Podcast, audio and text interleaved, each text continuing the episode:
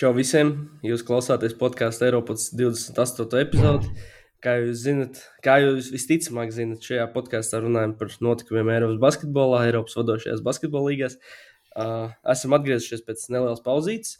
Uh, šajā epizodē atskatīsimies uz aizvadītajām trīs kārtām Eirolandā. Uh, turnīrs ir iegājis pašā finiša fāzē, un, un vēl būs izslēgšanas spēles, bet uh, izslēgšanas spēles ir sākušās. Uh, Latvijas-Igaunijas basketbola līgā, un tur jau, jau nākamā nedēļa gaidāms Final Four turnīrs. Tā kā par to arī parunāsim. Un vēl atsevišķi parunāsim arī nedaudz par Latvijas-Igaunijas līgas galvenās favorītas Slobžānskas Prometēji nesenajiem savainojumiem un izredzēm Ula Bērokaus izslēgšanas spēlēs, kas arī startēs jau pavisam drīz. Mans vārds ir Kristians Dilants, ar mani kopā ir mani ierastie kolēģi Valsts Nikitins, Čau! Čau. Un Norberts Strautiņš. Čau, Norč! Čau, Džek! Uh, Prieks atgriezties podkāstā. Gribu jūs uzslavēt par iepriekšējo epizodi ar Franču Lāci. Man bija interesanti būt klausītāja lomā, un man patika.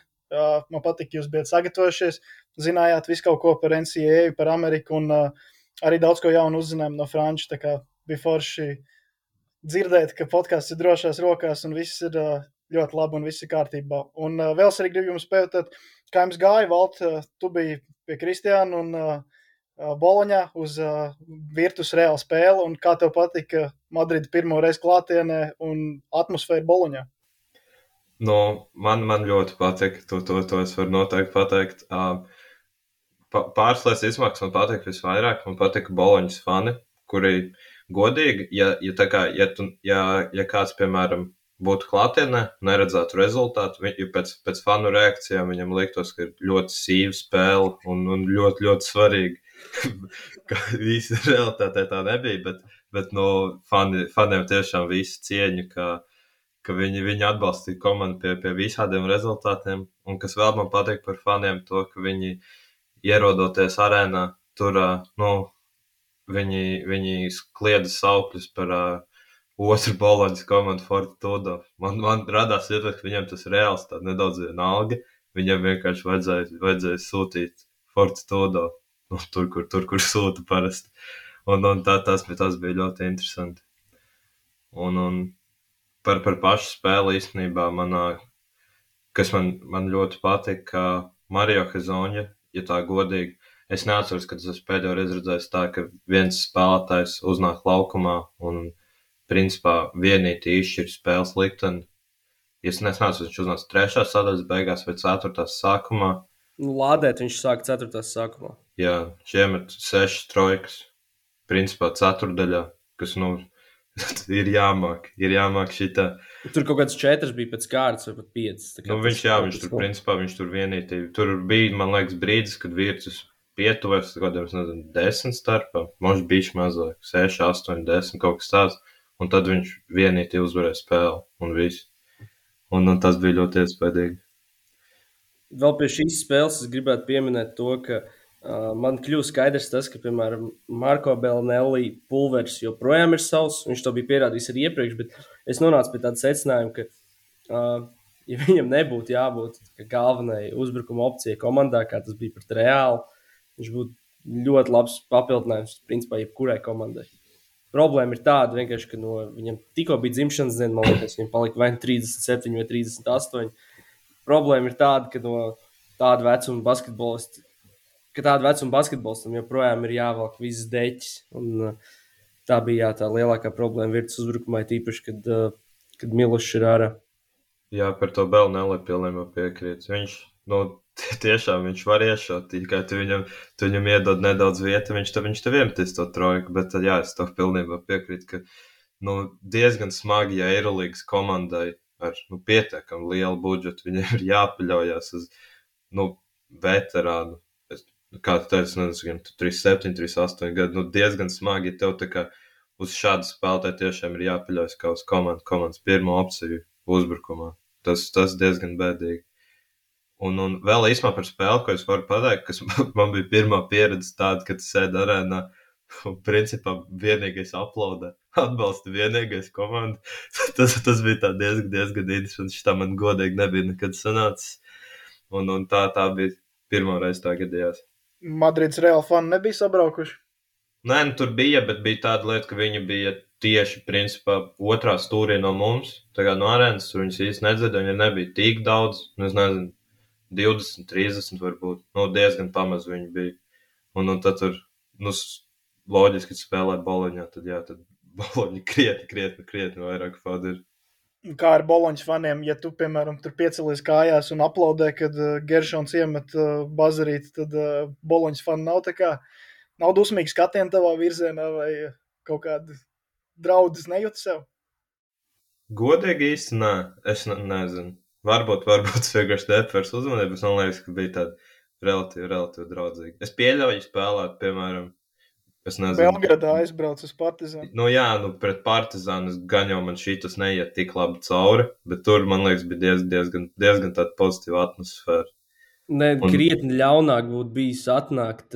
Tur varētu pilnā Madrides reāla treniņa tērpā. Es nezinu, vai nu, tur ar kādiem plakātiem vienalga. Tas ir pilnīgi pieņemami. Visļaunākais, ko var izdarīt, vissliktākais ir tiešām atnākt kaut kādā fortitudo krēklā vai, nu, principā, kas, kas būtu no Fortitudo, tas nekas, ka viņi ir pilnīgi citā divīzijā, viņi nespēlē pat vienā līgā. Viņu komandas ir pilnīgi dažādās teiksim, attīstības stadijās. Tur, nu, pilnīgi, pilnīgi viss ir krietni atšķirīgi, bet tas būtu vissliktākais, ko izdarīt, uzlikt Fortitudo krēklu. Es piekrītu, Forte to krāpstu, nu es, es netiktu no arēnas. Nu, labi, es domāju, es netiktu iekšā viņam, bet, ja es kaut kā tieku iekšā, tad es noteikti pēc tam ārā netiktu. Bet uh, īstenībā arī tāpatās bija droši, jo mums aiz muguras bija uh, tiesnesis, kurš mūs sargāja, leģendārs Luigi Lamonika tieši aiz mums, un, un pa labi sēdēja ļoti ierēbuši kungi, no kura ieradās uz maču speciāli no Sardīnijas, un tad viņš man tā kā. Viņš ik pa laikam ar mani centās uzsākt sarunu, un tad viņš man ļoti lielījās, ka, piemēram, kamēr es dzeru tur otro vai trešo alu, viņam iet jau devītais. Normāls cipars. Viņš cieņa sārdu kungam no sardīnas. Nē, vi, viņš, jā, viņš bija diezgan iekars. Mēs pat gājām, spēle jau bija beigusies. Mēs vēl pat pasēdējām mirklī tribīnēs, un tad mēs gājām ārā. Es tieši redzēju, ka spēle tiešām burtiski jau ir beigusies. Un viņš vēl devās atpakaļ uz savu sēdvietu ar trīs jauniem maliņiem. Kā viņš bija, viņš bija ļoti iekars. Bet tas īstenībā nebija viss.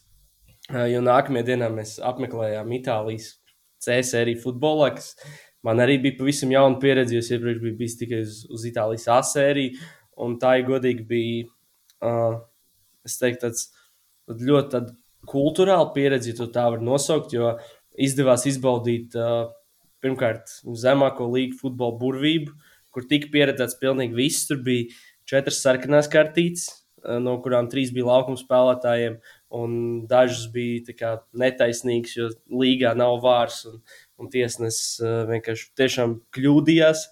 Uh, bija gandrīz no 10,000 stadionu vietām, bija kaut kādas 6, 6, 6,5 bija pilnas, uh, bija pirotehnika, bija, uh, bija arī bija aizsist garām pendeli, atvērīt pendeli, bija uh, 2-0 vadībā mainieki un pēc tam izlaida pārsvaru.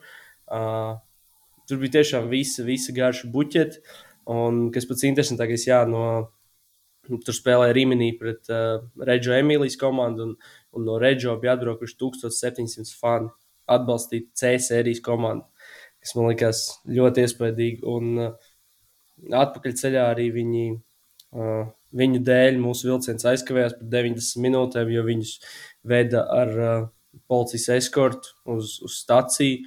Un uh, arī interesanti, ka tieši uz peronas gaidīja policists, kur tā kā mēs ne, nebijām uh, reģionas fani, tad viņi mums neļāva īsti kāpt iekšā vienā vagonā ar šiem faniem, bet mēs iekāpām pa citām durvīm, un viņi tur jau bija priekšā.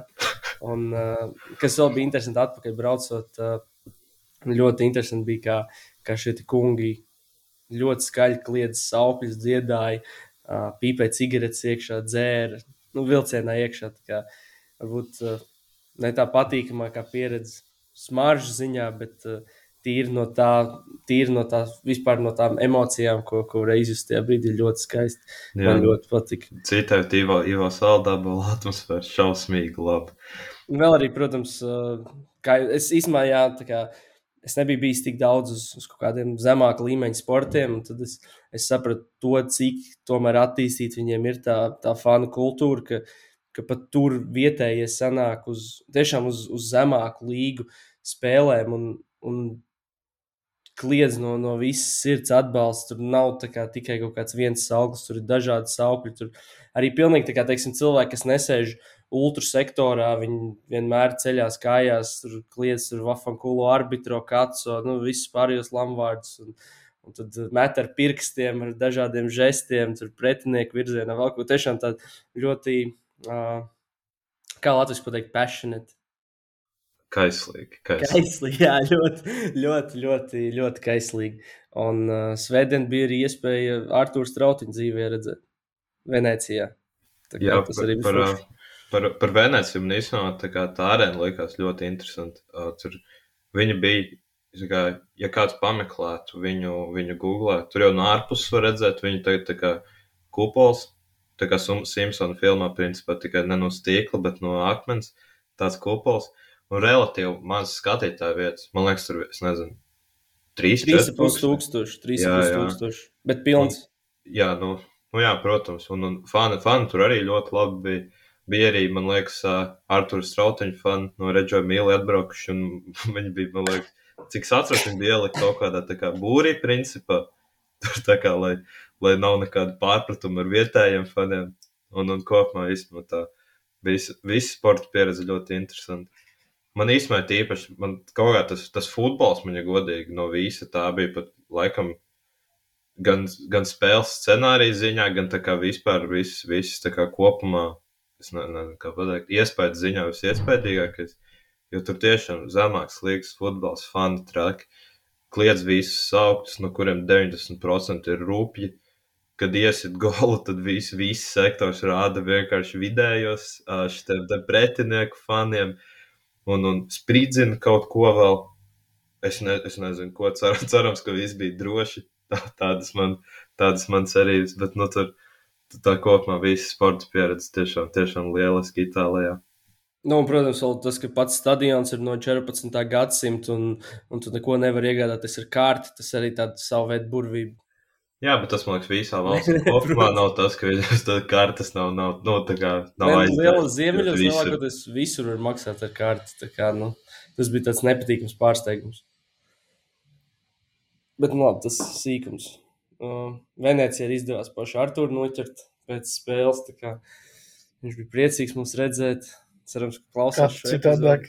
Jā, tikai īstenībā pati spēle bija diezgan uh, švāka, jo uh, Venecija jau pašā spēles sākumā, man liekas, aizgāja priekšā plus 20. Tur groza apakšā bija, bija diezgan bez variantiem pret Mičelu Vatu un Dereku Villis. Tur, tur bija diezgan Kurš paši... citā pat Venecijas komanda tieši viesojas Rīgā trīs dienas vēlāk, principā, es nemaldos, trīs vai četras. Un, un tas bija interesanti. Bet tur, ja spēlē pēc atceros, tad redzēju mīlēju atcīt. Un uh, Andrejāč viņš arī nezinu, cik gados vēl joprojām pietiekami ok var spēlēt kā par to visu cieņu. Kaut kāds 40, viņam ir, viņš vēl tur ir pāris triple double pavisam nesen savācis, tā kā viņš ir, jā, ļoti labs. Tas diezgan iespējīgi. Un es, ne, es nezinu, vēl kaut, vēl kaut ko smalkākā pieminēt. Jo es nezinu, es varu pēdējās lietas pateikt visiem hokeja faniem. Konoram McDavidam 4 punkti līdz 150. Tas svarīgi. Un, un bija ļoti laba formulas sacīks šodien no rīta. Tā kā Tas, tas, tas ir viss, kas nezinu, man, man, man interesants pieminums ārpus aerolīgas. Nu, vēl šodien futbola virslīgā mēta uzvarēja Tukumu. Ā, nu, tas, tas arī protams, arī, jāatzīmē. Tas ir svarīgi, jā. Tas, tas ir forši. Apsveicam Mētas kungs un Andri un Girtu tīpaši. Bet tad gan jau ķeramies pie aerolīgas, nē. Varbūt Norčam kaut kas vēl no, no citiem sportiem. Tā baigi nē, man vienkārši prieks redzēt, ka sports notiek, viss kārtībā. Es ieeju Vācijā, es redzu, kā jūs atsūtat bildi ar uh, Luigi Lamoniku. Tad citā dienā es ienāku Vācijā, es redzu bildes ar Arthuru Strautiņu. Tā kā es redzu, ka lietas notiek, uh, Eiropas uh, ir ne tikai runātāji, bet arī darītāji, un viss ir labi. Un, mums, vajag, mums vajag kā PPC, mums vajag sataisīt uzlīmītas, un tad mēs visur līmēt Eiropas on tour. Ah, nu, vot, jā. Jo ir, ir sanācis, ka samērā daudz basketbolu apmeklēt tādu, nu, kas nav Latvijas šajā sezonā. Tāpēc varētu atzīmēties. Bet, labi, tas International ir esam, jā. jā, jā, jā. Tad uh, nu, divas lietas mums ir Eirolīga un uh, Prometējs gan Eirokasā, gan Latvijas līgā. Ar ko jūs gribat sākt? Kā jums liekas ērtāk? Vismaz mēs gan jau mašu varētu ar uh, prometēju. Man tā liekas, jo tur tā kā mazāk. Eirolīga jau būs garāk. Ok, es, es būšu godīgs. Ir slikti. Ir tiešām slikti. Nu, pēdējo reizi, kad mēs rakstījām, tad situācija bija labāka. Mēs runājām par kā būtu, ja viņi vinnētu Eiropasu. Visi, man liekas, vēl bija veseli tajā mirklī un tam līdzīgi. Tagad tiem, kas nezina, es saprotu, ka Kenedijam un Agadam ir tādas pailgākas traumas. Nu, Kenedijs ir simtprocentīgi ārā. Agada Agad ir uz mēnesi, laikam. Būtu godīgi, pat, pat, ja, pat ja viņi tiek, šodien, kad mēs rakstām, vēl viena īstenībā ļoti svarīga lieta, ko es aizmirsu pieminēt. Šodien, kad mēs rakstām, ir 2. aprīlis un ir dzimšanas diena divām tiešām leģendām. Pirmā ir mana mamma, daudz laimes mamma. Daudz laimes. Daudz laimes. Ļoti mīlu tevi. Un otrais ir Andris Biedriņš. Andrim šodien, paliek, Andrim, Andrim šodien, ja nemaldos, 37. 38. jau rīņķis ap saules sācies. Ne, vai kā bija otrādi. nu, jā, jūs sapratāt.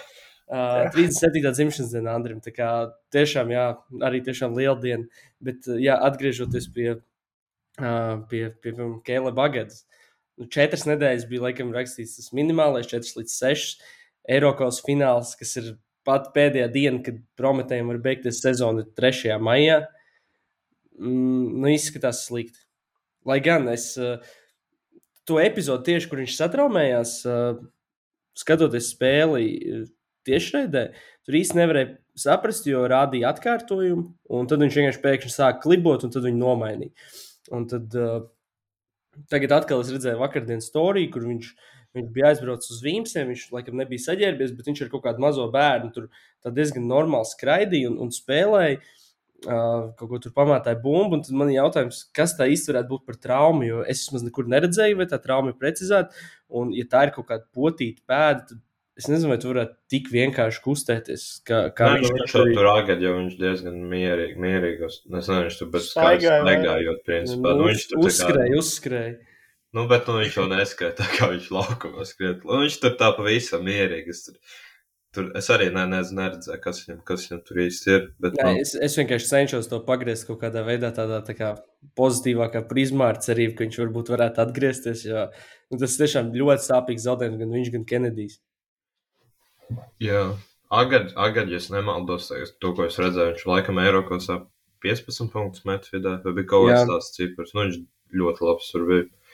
Un, un, nu, nu, žēl, bet es Viņš nezinu. arī uh, otrajā laukuma pusē, es teiktu, ka ir viens no labākajiem sedzējiem, ja ne labākais pat tajā komandā. Un Viņš vēl nestīloja pa kādām septiņām bumbām. Viņš spēlē. bija, man liekas, stila līderis, es nemaldos. varētu būt jau arī ka- katreiz, kad viņš, katreiz, kad viņš nostīlo, sākas ātrais uzbrukums, to viņš labi ievada.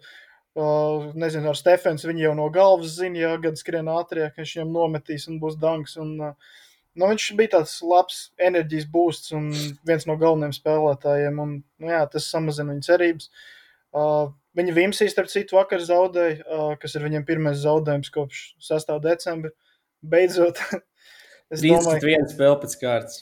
Es domāju, ka kaut kādā ziņā dažreiz varbūt šāds zaudējums var būt pat veselīgs, bet Nu, kā 3 pret 3 olimpiādā teica, ka viena spēle jāzaudē, lai titulu vinnētu. Nu, vot apmēram. Bet, uh, nu jā, tas, ka vairāk, um, nezinu, tas šaubas rada tāpēc, ka, zin kā, gribēs, lai ir kaut kāds tāds tā kā nenoskaņošanās zaudējums vai tam līdzīgi, ka paši tur lažo, bet uh, tas, ka divi spēlētāji iztrūks, tas vairāk uh, rada tieši šaubas par to kvalitāti nekā par um, nenoskaņošanās jautājumu un tam līdzīgi. Es domāju, sērija pret Vimsi viņi tik un tā uzvarēs, esmu ļoti drošs, bet uh, Final Four droši vien arī uzvarēs, bet uh, nebūs vairs tik viegli kā pirms tam, bet uh, Eiropas ziņā arī es esmu kļuvis tāds skeptiskāks. Nu, man, ja godīgi liekas, es nezinu, tādā nu, no, no bookmaker prizmas raugoties, koeficients uzkāpa pat 0,2. Bet tā kā tu es domāju, tas neko. Es, viņi tāpat ir galvenie favorīti. Tagad ne tik ļoti izteikti, bet tāpat pietiekami izteikti. Par 0,2 uzkāpa koeficients. Man liekas, baigi daudz tas ir. Nē, nu, ok, nu, tas, tas, tas, tas, es, Šāds vienkārši, tas, es to domāju, ķip to, ka minimāli tas kaut ko maina. Ka, nu, es, nu, nu labi, protams, tas ir Final Four, ko mēs zinām, ka tur jebkurš uzvar, jebkuru, tu mēs esam Eirolīga redzējuši, bet ok, Eirolīga ir krietni līdzvērtīgas komandas. Visu cieņu Vēfam, Kalavam un Tartu, bet, nu, Prometējs tomēr ir kaut kas cits. Un, un es domāju, tas viņi tāpat gan jau uzvarēs. Bet, nu, varbūt kāds, ka varbūt viņi par viņus kāds pārsteigs. Es gan, es... nu, nevaru, neredzu to īsti. Tikko atvēru prometē mājaslapu, un tur rakstīts, jā, ka labākajā gadījumā promet, uh, Agada būs atpakaļ uz finālu, kurš gan vēl ir jāsasniedz. Bet uh, katrā ziņā vienīgais, par ko var nedaudz papriecāties, ir tas, ka tas zārs viņiem Eiropas ir, ir samērā parocīgs. Uh, protams, tur uh, paši zinām, kā, kā pie šī formāta lietas notika pagājušajā gadā, bet vismaz uh, Gran Canaria un Hoventuts, jeb Joventuts vai Joventuts, es jau vairs tiešām nezinu, kā ir pareizi jāsaka, uh, ir otrā pusē. Paga viņu, viņu zarā ir vēl Prometējs ar Burgu, ja, kas ir iespējamais ceturtfināla pretinieks. Nē, tur bija. Bija, man liekas, Prometējs Burgu. Atpakaļ, ja jūs skatāties flashkorā, tad neskatieties tur. Nē, nē, es, es, es, tas, es tagad atveru flashkorā doļus, bet pēc atmiņas man liekas, ka tagad bija. Tas bija prot potenciālais ceturdaļfināls. Un tad tam, ja es nemaldos, man liekas, Hapoel ar Venēciju bija tajā pašā pusē. Nē, Hapoels bija otrā pusē. Ah, jā, Prometējās ar burgu. Tur ir vēl apakšā, tad ir Ulma, Budušnošs, Telekoms un Breša. Jeb kā, kā ir dzirdēts komentētājs, saka Breskī. Jā, šāds kas, nezinu, kas pareizi ir. Um, nu, man šis zars izskatās tiešām pievilcīgāks, lai gan Turku telekoms ir, ir ok, Breša. Nu, tur nav, nav baigi vāja komanda. Arī tāpat Hamburgā būs, uh, būs diezgan grūti. Es domāju, pirmajā spēlē, kas starp citu jau kad otrdien, trešdien. 11. datumā, pirmā. Pēc Final ah, Four. Jā, pareizi, pēc, pēc Final Four, pareizi, jā. Ah, un interesanti, ka uh, es pats nebiju skatījies, man čoms atsūtīja, ka, uh, laikam, regulārajā sezonā uz Prometē mājas spēlē Eirokosē biļeti maksāja kaut 10, 15 eiro. Tagad, tagad? 6 eiro. Nē, tas ir izsaka. Nu, es es ļoti īsumā, es pa, pa, pats, pats, pats, diemžēl, neesmu uz vietas, bet es ļoti ceru, ka cilvēki atnāks. Nu, tu jau skeptiski. Norberts, Norberts, ne, es esmu skeptisks, jā, protams, bet nu, es ceru, būtu forši. Norberts, es ceru, ka tu ieradīsies uz plēfiem pret Hamburgu 11. datumā. Ja jums pašam nebūs ja man, jāspēlē. Ja pašam nebūs lietas, tad jau noteikti tieši jā. Tas jau no universitātes sporta grafika atkarīgs, es domāju. Jā, tieši tā. Uh, bet vēl paturpinot par Prometēju, palabojiet man, varbūt es kļūdos, bet es tā neatceros viņiem kaut kādas izteiktas traumas sezonas laikā. Viņi īstenībā diezgan tādu veselīgu sezonu aizdīja līdz šim. Tur ik pa laikam kāds tur bija izkritis. Bet... Man liekas, tie galvenie spēlētāji nevienam īsti neko vispār neatceros. Nu, tur viena, viena, divas spēles izlaistas, es to tā baigi neskaitīju, laikam. Jā, bija vēl kāds. Man liekas, kāds, viņam nekas, man liekas, nebija. Vismaz es neko neatceros tādu. Varbūt tu, Norbert, jūs vienā līgā tomēr spēlējat. Es tagad mēģinu atcerēties. Man liekas, ka Agada kaut kad bija ārā arī, bet uh, nu, nebija nekas tik ilgs. Man šķiet, es precīzi nezinu, bet uh, rezultāti neliecināja par to, ka ir kaut kādas problēmas nevienā mirklī. Vēl nedaudz nepatīkami, vismaz uh, vakardienas spēles protokols skatoties, bija fakts, ka James Dikijs, backup centrs, uh, nospēlēja tikai divas minūtes Vīmsos. Um, un es, es patinu atpakaļ uh, ierakstu, un viņam pēdējais brīdis laukumā ir pirmā puslaika pēdējās piecas sekundes. Viņš it kā tur neizskatījās, ka kaut ko satraumētos, bet pēc tam viņš ar laukumā nebija. Un vispār kopumā tikai divas minūtes viņam laukumā. Nu, interesanti. Nu, jo, jo vēl savainojumi tas būtu viņš tiešām, man liekas, nu, svītri pāri izredzēm. Jā. Uh, Bet par uh, mans verdikts par Latvijas-Igaunijas līgu laikam būtu tāds, ka es gribētu domāt, ka tiešām Vefam un, un Kalavam ir palielinājušās izredzes. Lai man piedod Tartu, un lai man piedod Vīmsi, kas vēl ir cīņā par Final Four. Uh, bet, uh, un vēl es arī laikam gribētu teikt, ka tomēr uh, Kalevs ir favorīts pret Vef. Es teiktu kā 60 pret 40 nu, spēlēt Allinā, tas var uh, nospēlēt kaut kādu lomu. Un, nezinu, tas arī ir tas ēdiens, tas pusfināls. Un, uh, nu, būs tiešām interesanti. Grūti pat es, pateikt. Es arī domāju, ka iespējams tas, uh, lai gan es neticu startu, bet es domāju, ka tas, uh, tas viņu pusfināls arī varētu būt interesantāks nekā, piemēram, pagājušajā gadā VF pret Ogri. Nu, par to noteikti, jā. Pagaid, domāt, ar to Prometēju būs interesantāk nekā VF. par to. Jā, es jau godīgi domāju, ka, ja Prometējs atbrauc tādā, nu, es nezinu, nenoskaņojušies, vai tā kā viņi vakar bija Vīmsos, kaut cik, es nezinu, pakutināt nervus 20 minūtes, viņi jau ar to varētu. Es Īpaši domāju, ka arī-. Es, ne, es domāju, tā kā ņemot vērā, ka spēlētājs zina, kas Final Four, man, ja, ja man būtu jāparedz spēles scenārijs, domāju, pirmais puslaiks noslēdz plus 20 prometējs, un tad otrais puslaiks ir garbage times. Varbūt viņi piet, varbūt otro puslaiku nospēlē neizšķirt, tas, tas vairs nekādu lomu nespēlē, bet es domāju, ka tur viņi centīsies izvairīties no kaut kādām, es nezinu, no tā, kā spēle jānokārto pēdējās minūtēs. Nē, nu, no tā es piekrītu, ka, ka viņi, manuprāt, varētu izvairīties. No tāpat liekas, ka viņi uh, vismaz pusfinālā varētu būt tā, ka viņi jau ir domās vai nu par finālu, vai jau par spēli arēnā pret Hamburgu. Jo, nu, nu, viņi taču paši saprot tos reālos spēku samērus. Ir īpaši pret Tartu.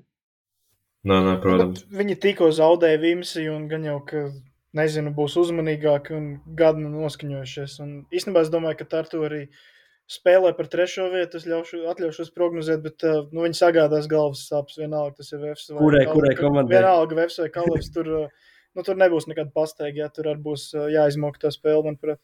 Īsumā runājot vēl par VF un Kalavu, man liekas, ka VFam kaut kādā ziņā priekšrocība, ka Kalavam vēl joprojām jākoncentrēs uz diviem turnīriem. Ir. Man, viņam, es nezinu, ka viņam tā otrā spēle ir pret to šulē nākamā nedēļa, vai es nezinu. Mm, Šo man liekas, jā, ka bija nākamā daļa. Nu jā, un tad tur viņam, viņam tur tas var būt arī. Jo, nu, VFs jau kādu laiku, man liekas, ka no janvāra jau, ne no decembra pat, vai var tikai, tikai šo turnīru koncentrēties, un nav, nav jādomā vairs ne par ko citu. 5. aprīlī, jā, tieši Final Four sākās 7. Jā, Divas dienas pirms Final Four viņi spēlēja Francijā pret Šalē. Nu jā, nu tur vēfam, vēfam ir tad, tur ir nedaudz priekšrocības, ka viņi var visu nedēļu gatavoties tikai uz Kalēvu. Un Kalēvs viņi būs principā pēc izbraukuma, gan jau, es nezinu, sastajā datumā mājās tā pieņemu. Un, un nu jāsatās.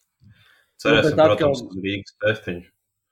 No otras puses, VFam kopš izstāšanās no, no Champions League ir bijušas divas tāda līmeņa pretinieces, kā Kalevs, kas ir gan jau pats Kalevs, jo es pieņemu, ka viņi spēlē, gan jau otro spēles neatceros. to viņi datumu. ātri izspēlēja. Man liekas, decembrī bija jau otrā Arī decembrī, tad vispār viena Prometējs. Jā. Tas ir tā kā vēl spēcīgāk. Jā, Tas arī fakts. Nu, būs interesants šahs spēle, jāstāsta, kas uzvarēs. Janka Gailīts vai Hei, kā viņa, Heiko Rānu vai kā viņa tur sauc to. Nav, Kalevs, nav, jā. nav jau arī tā, ka VFs ir uh, šogad ar, ar ļoti plašu sastāvu, ar, ar ļoti plašu garo galu. Uh, bija runas, ka viņi ņems garo, un bija arī pat kaut kādi konkrēti vārdi. Bet, piemēram, šis garais šobrīd jau ir uh, Klāvs Čavara komandas biedrs. kā Tur interesanti. Es nezinu, nu, Kalevs katrā ziņā, manuprāt, izskatās labāk šobrīd.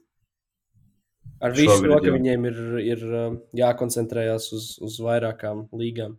Bet viņiem arī ir krietni plašāka rotācija, ko viņi var izmantot. Labi, protams, tādā Final Four uh, turnīrā tas varbūt nespēlē tik lielu lomu, bet nu, jeb, jebkurā gadījumā. Nu, šī tādos Final Four vairāk vai mazāk visu izšķir divi, trīs spēlētāji no katras komandas. Tā vismaz parasti notiek. Jāsaka, kuriem atradīsies tie divi, kas var izšķirt, kuriem nē. Un, un es īstenībā domāju, jums nav vairs nekas par Latvijas Igaunijas līgu. Varētu pieminēt, ka Jānis Tīma pēc cik viņam trīs spēles, vai Četras, četras, liekas, bija. četras spēles Puerto Rico, tad ir, ir jau pametis komandu. Un, un tad tagad, tagad ir interesanti. Jāsaka, ko viņš tagad darīs. Jo, godīgi, to Puerto Rico līgu es redzēju pusceturdaļu no viņiem. Un, un tā līga izskatās, nu, es godīgi esmu LBL2 redzējis ik pa laikam kvalitatīvāku basketbolu nekā tur. Man Nē, nu, izpildītāji jau tur ir izpildītāji. Jau tur izpildītāji. normāli bija vienkārši tas, ka tā, tas pats basketbols ir ļoti nebaudāms. Tiešām, nu, nu, es gribu to saukt par streetbolu. Un es gribētu vēl aicināt visus tos, kur ir Jāni stabili jau ielikuši iekšā un aizsūtījuši uz, uz Filipīnām, Indonēziju vai Japānu. YouTube var droši Grises de Humakao, vai kā viņam tā komanda saucās, droši var uh, uzlikt atkārtojumu, apskatīties, un pēc tam var var mierīgi uzlikt vēl, es zinu, Eleven Sports ir pieejama Itālijas līgas ieraksts, tur var Reģio Emīlijas spēles paskatīties, tad var, var Francijas čempionātam bija, man liekas, arī viegli atrodams tas spēles, var arī tos paskatīties un tad salīdzināt, piemēram, Artūrs Strautiņa Rodionu, kurus, kur viņi spēlē. Pat ja Arthūram varbūt nav šobrīd tā lielākā loma, un tad apskatīties, kāds basketbols ir, ir, ir Puerto Rico, un tad izsēmot uh, nu, kurš tad varbūt teorijā būtu atbilstošāks izlasē un tam, kas ir nepieciešams pasaules kausā. Bet, nu, labi, protams, es, es negribu teikt, ka, tā, ka, ka Jānis simtprocentīgi ne, neaizbrauks, jo nevar zināt, kas vēl tur tagad notiks. Un, un tas tomēr ir treneru lēmums, bet tas ir tāds mans pārdoms. Tas, ja, ja it īpaši mēs vēl ņemam vērā to, ka bija tās baumas, cik viņš ir tuvu tam līgumam ar Badalonu, un pēc tam viņš aizbrauks uz kaut ko tam līdzīgu, nu, tā ir katastrofa. Nu jā, bet tagad arī tāda situācija, nu es nezinu, kur viņš vēl var parakstīt. Tajā kaut, kaut ko ar kaut ko citu, ko ir tur rīkots, bez mazliet vienīgais variants. Un, pirmkārt, Eiropā pat, ja teorētiski kāds viņu gribētu, nu neviens neparakst spēlētājs tagad aprīļa sākumā. Viņš, redzu. viņš nesen bija šajā Otavā, kad viņš uz izlases centās atbraukt. Vai kur vai... nu, tur bija, kad, man liekas, Nazieris Bruks spēlē kaut kādā Kanādas līgā. Jā, jā, kā tās Kanādas līgas, man liekas, arī vasarā mauc tā kā ar Kanādas līgā. Viņš tādā viņš varētu, bet, nu, tā kā nopietnā līmenī, nu, es neredzu, kur viņš varētu spēlēt. Ok, viņš jau ne, nav spēlējis nopietnā līmenī trīs gadus, nu, divus, principā. Bet, nu, tad tagad es nezinu, kur viņš varētu atrast kādu normālu spēļu praksi šis, protams, protams joks, bet uh, Prometējā Kenedija vietā arī pa trīs uh, ar post, posteņā uzspēlēt, un Stefens tikmēr ir tas atletiskais četri. Un tas pats, kas Kenedijs ir... tikai pat labāk trojku vēl met. Viņiem ir Ivans Kačenko, kurš ir šobrīd pavisam noteikti atletiskāks. Viņš nemet ne sliktāk, un viņš arī aiziet garām. Viņš, ok, viņš postā ir sliktāks, to es piekrītu. Jā. Labi, ok, es arī biju Labi, es arī ākstos, protams. Es arī, es arī pārspīlēju, ka jau nav tā, ka Ivans Kačenko kopumā ir varbūt labāks basketbols par Jānu Tīmu šobrīd, bet nu, ir, ir, manuprāt, baigi, baigi žēl par to visu, kas, kas ir Jānka notiek. Nu, Jā, Jānis, manuprāt, nu, kaut kādā ziņā varētu rakstīt grāmatas par to, ka sabojāt karjeru, lielisku karjeru, kas viņam bija līdz 19 gadam nu, 20. varētu teikt. Un pēc tam visu šo trīs. Uz, uz nedēļu novembrī gadu. arī. 22. gadā arī bija nu, karjeras turpinājums. Nos, nos, nosacīt, jā. Un tad, nu, vienkārši trīs gadus šitā tā, vienkārši, es nezinu. Sāpīgi, kā Latvijas, jo... Latvijas izlases fanam. Līdz tam viņš bija faktiski tā kā paraugs, kā būvēt karjeru, jo viss gāja tā soli pa solim ļoti pārdomāti, ļoti loģiski. Uh, Um, nu, viss izskatījās tiešām tā kā. Nu, Mums vienā brīdī pat likās, ka tiešām tas NBA ir neizbēgams. Un tas krāsls Lebrons piedzīvos to tikšanos ar uh, uh, Akronu Ohio Lebronu. Bet, diemžēl. nu, diemžēl krāsls Lebrons bezdarbnieks tagad ir. Kā, tur neko darīt. Un, un es nezinu, gan jau varam pērliks ķerties klāt. Ne? Ja es pieņemu, nav vairs nekā cita. Jā.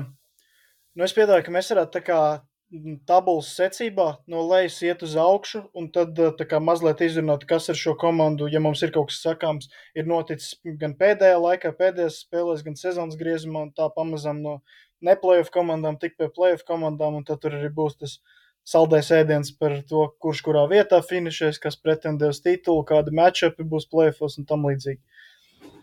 Nu, tad, tad... gan jau sākam no apakšas, tad mums ir uh, tagad 18. vietā asfalts, kuriem ir pēdējās desmit spēlēs desmit zaudējumi, kas ir forši. Viņi izcīnījušies bezcerīgi tagad jau, nu, principā kādu laiku. Un, un tad vēl kā viņiem, kā ķirsīts uz torts, ka viņiem uh, Francijas čempionātā uzlika sodu, noņēma divas uzvaras no tabulām un vēl 100 tūkstošu naudas sodu par to, ka cik es tur biju, ka viņi uh, maksāja laikam Loverņē un Dekolo kaut kā ar viņu image rights. Es tur līdz galam netiku pamatos, ko tā kā līdz galam tas viss nozīmēja. Un tas Francijā, cik, es, cik tur bija saprotams, Francijā tas nav atļauts tā darīt. Un, un tad tagad, tagad viņus noķēra.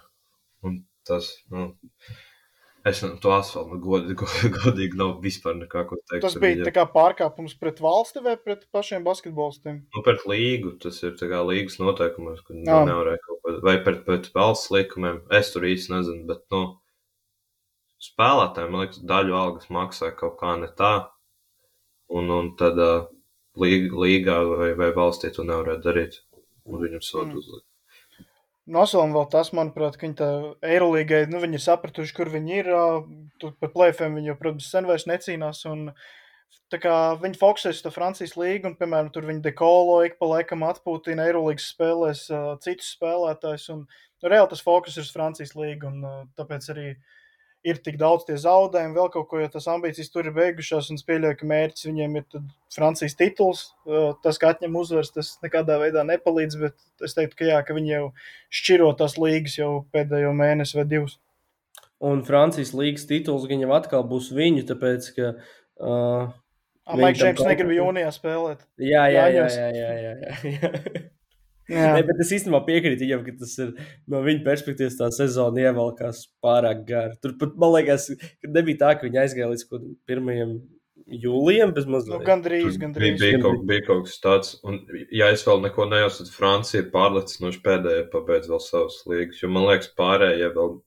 Tur bija vismaz, man liekas, nu, tur ir kaut kāda nedēļa, nedēļa vēl. Tas nav, nedēļa, nav tā, ka divas. tur nenormāli ilgi vēl kāds vēl Francija, bet Francija vismaz agrāk, vai kaut kad tur vēl bija tā, ka tur bija ziemā kaut kāds pārtraukums. Tā kā ir pāris eh, Eiropas futbola līgās, kur ir pārāk uh, zie, ziemīgi apstākļi. Bet tur jau Francijā, tur vēl es nesaprotu, viņam ir gan, gan līga, tad viņam ir Francijas kausa, tad bija vēl līderis kap, kas notika, tad, kad visur citur notika kausa, un viņam vēl visu laiku paralēli notiek Francijas kausa.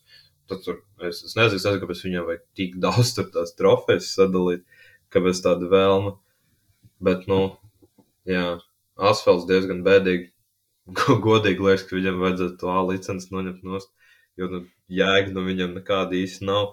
Ne viņi, ne viņi īpaši audzinātu kaut kādus jaunus spēlētājus, vai arī, es nezinu, viņi būtu kaut nedaudz. Tā nav. Pagājušajā gadā bija Jokobo un Džeims. Vienkārši nu, tas... Viņam sāka, ka vienkārši, nu, Okobo Džeims arī nebija īsti kā pilnīgi jauni, ka viņi bija ne no kurienes izrakuši. Nu, tā Jā. nav, ka viņi neko neaudzina, piemēram, Zakarī Risašers, kurš nākamā gada viens no drafta, nu, stab, diezgan stabils loterija piks, viņš, man liekas, ir šosezon jaunākais, kurš tiek pie stabilām minūtēm. Tā bija reāli. arī Vembaņāma vēl pagājušajā gadā. Nu, labi, bet viņš, viņš bija tur vispār ļoti īsi brīdi. Bet, piemēram, tas pats Strazēls pie viņiem sāka spēlēt. Tur nav tā, ka viņi neko, protams, nav tā kā, kā Albai. Lai gan man liekas, viņi vairāk cenšas sev pozicionēt kā Alba, bet tā, ka viņi tur neko neaudzina, tā arī nav. Nu, nē, es jau tādu šo sezonu viņam tur spēlē. Nezinu, tur vairāk veterānu, galvenais spēlētājs, Dekolo un tam līdzīgi. Nu, tur, nu, vienkārši man tā.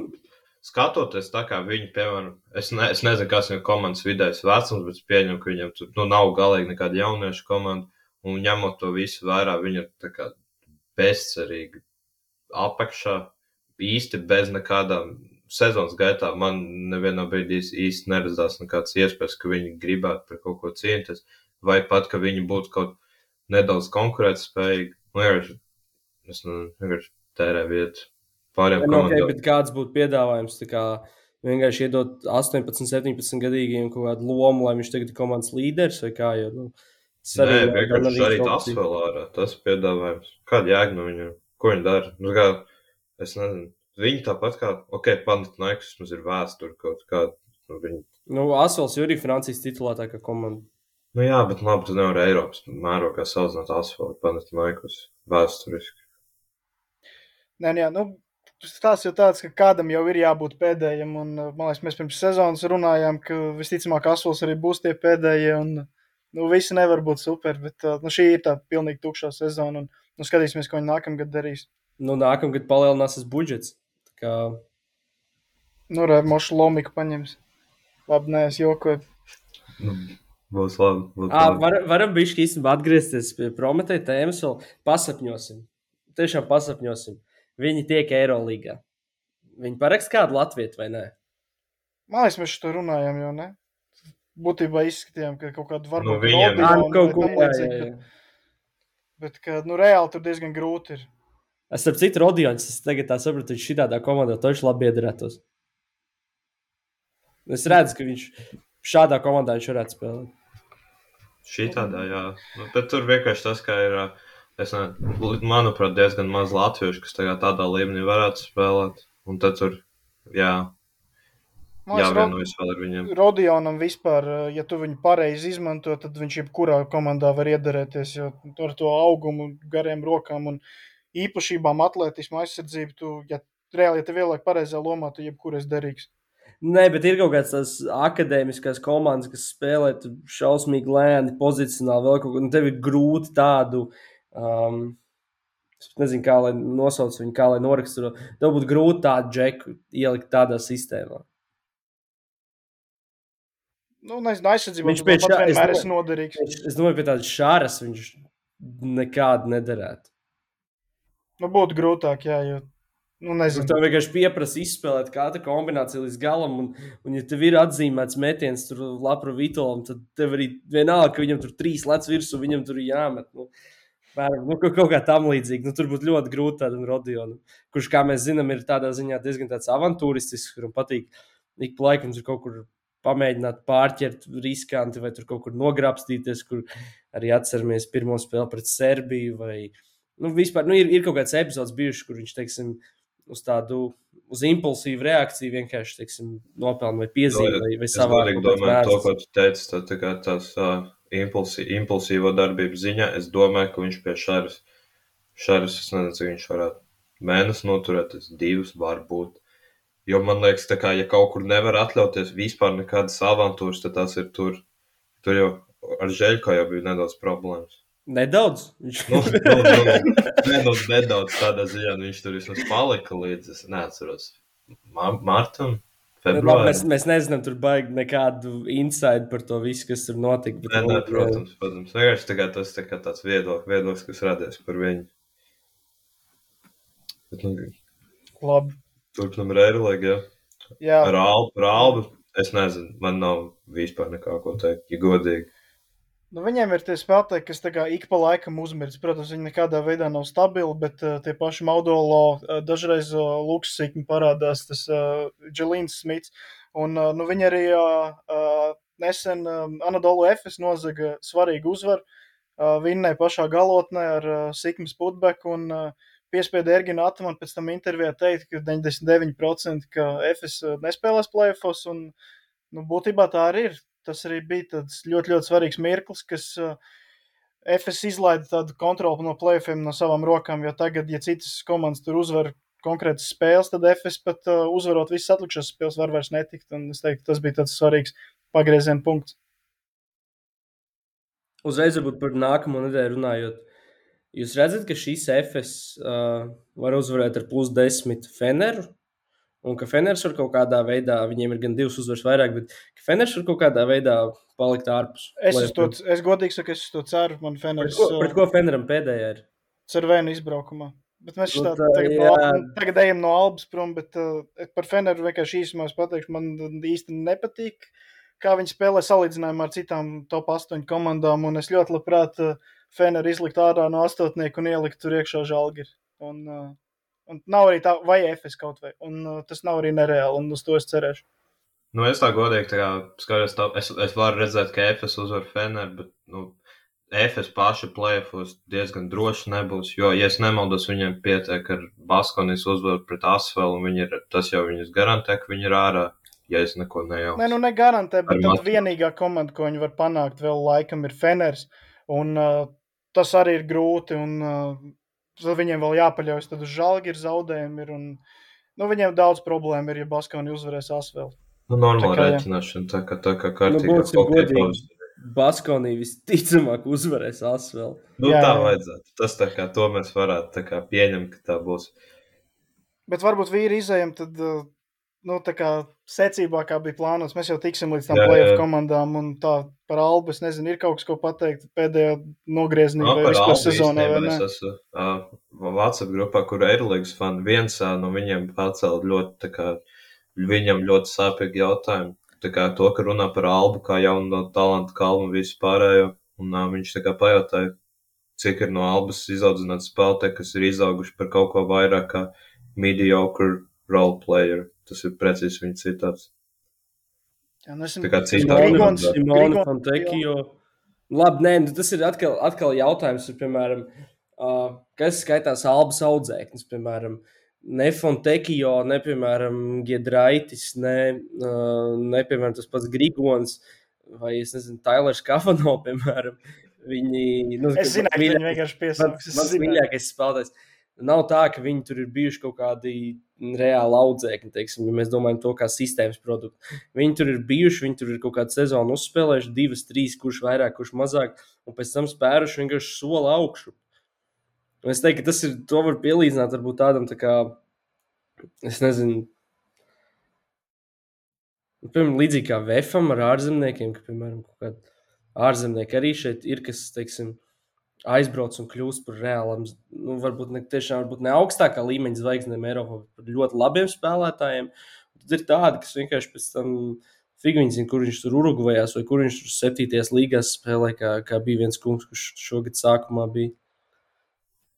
Nē, nē, man godīgi, man godīgi šajā jautājumā īstenībā pat nav viedoklis. Man tā alba, viņa tā kā būs, būs godīgs, tad bijis, nebijis, man neko. Nu, neko nē, nu, piemēram, tagad kaut kāda pāris, kas man ienāca prātā, tos nosauc vēl, piemēram, nu, nu teiksim, Nils Gifais arī. Nu, Nu, piemēram, labi, bet nu, Nils Gīfais, tā kā man liekas, mediocre roleplayer, tas tā kā ir burtiski Nē, nē, nē, protams, nevar protams. labāk raksturot. Nu, okay, nu, piemēram, rekur, tagad ir Pročīda. Nu. Pročīdam ir pilnīgi, viņam ir pilnīgi viss stūlis, lai viņš spēlētu NBA. Viņš ir 2-0, 2-0, 3. Nu, viņš ir virs 2 metru aizsargs, atletisks. Uh, pēc būtības viņš aizgāja uz to albu, lai tajos pāris gados dabūtu to Eirolandes exposure un pēc tam arī braukt uz savu Detroit. Nu, es domāju, ka tāds ir tas plāns. Nu, es nezinu, kā Viņi dod, nē, tā viņi dod skatu tiem jaunajiem, piemēram, arī tagad, reiķinot to, ka viņi nav Eirolandā tik super ilgi. Viņiem nav tā licence tik ilga. Tur jau no sākuma spēlē kaut kāda, teiksim, vācu jauniešu izlaša kaut kāda spēlētāja, kā piemēram Matiseks, visādi Schneideri un šitādi. Nu, neviens no viņiem jau nav bijis kāds elites līmeņa talants, bet, piemēram, tādam Oskaram das Silvam viņi palīdzēs spērt to nākamo soli, lai gan ir diezgan skaidrs šobrīd, ka viņš vai nu tam nebija gatavs, vai arī vienkārši tā nav komanda viņam. Jo pagājušajā sezonā viņš bija ļoti labs.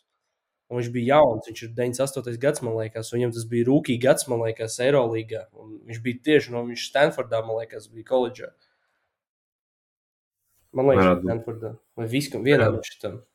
Labi, bet laikam. Jā. No albas nezinu. nezinu, Grūti arī, tomēr, man liekas, ir izaudzināt, tā kā, nezinu, nu, tiešām tur top, top džeku līgā, nu, nezinu, es, nu, es tagad tā sitē nepatikšu, bet gan jau, ka ir vēl komandas, kas ir visu mūžu spēlējušas ar daudziem viduvējiem spēlētājiem, kas kaut kādu starteru līmeni Eirolīgā sasniedz, bet uh, kā tur, nezinu, kā komandas pirmā opcija, tāpat neviens viņiem neskatās. Nu, es teiktu, no, no tādas prizmas, kā tas tavs, tajā čatā tev pajautāja, tad uh, es teiktu, ka piemēram, tāds žēlgājs ir labāks, jo tur pēdējos Jā. gados vien ir, tur, teiksim, Vasa, Mīciņš, Pangos. Uh, Nezinu, nu, tur var Brendons saukt savu-. Nu, Diezgan daudz, jā, diezgan jā. daudz labu kadru.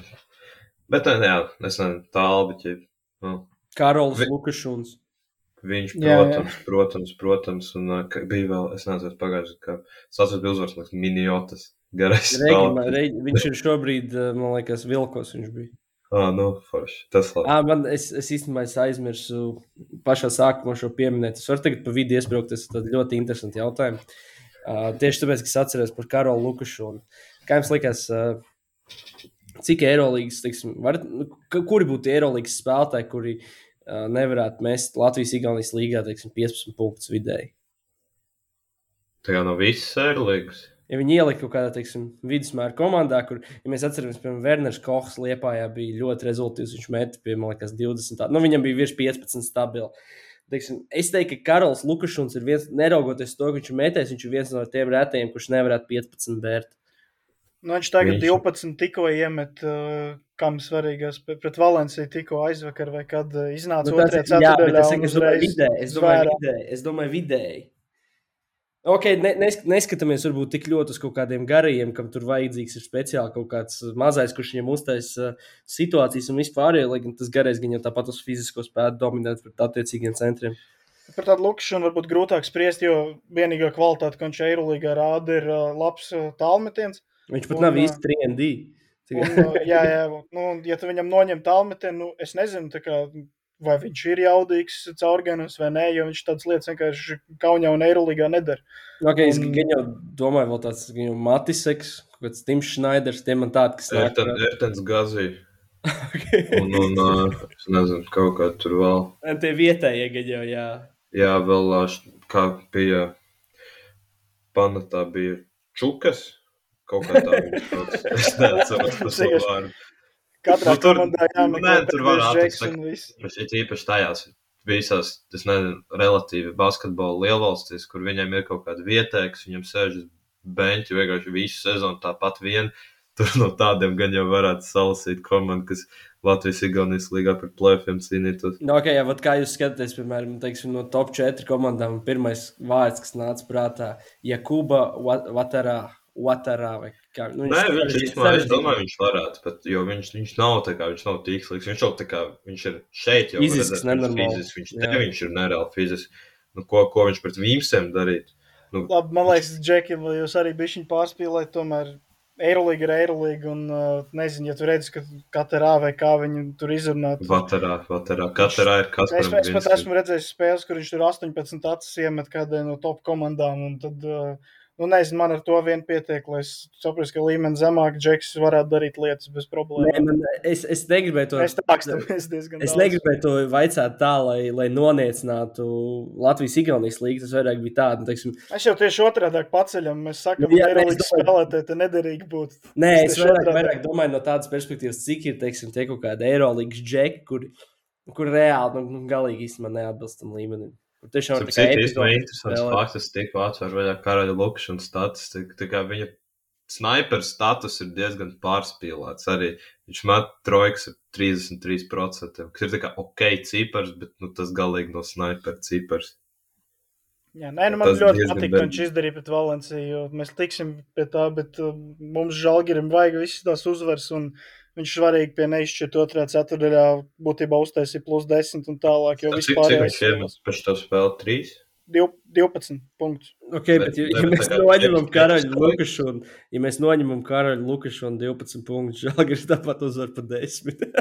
Nē, nu, bet viņš uztaisīja, viņš izšķirt to izdarīja. Es saku, viņš kādu punktiņu uztaisīja. Man jautā, tā kā šis nopietns jautājums, es neatceros. Cik, cik viņš trojkas iemet? Četras, ja? Gan jau trīs es atceros, ceturtos jau es. Nu, viņam pa visu sezonu ir astoņas. Tā kā, tā kā viņš izšāva visu, visu pulveri tajā vienā mačā, principā.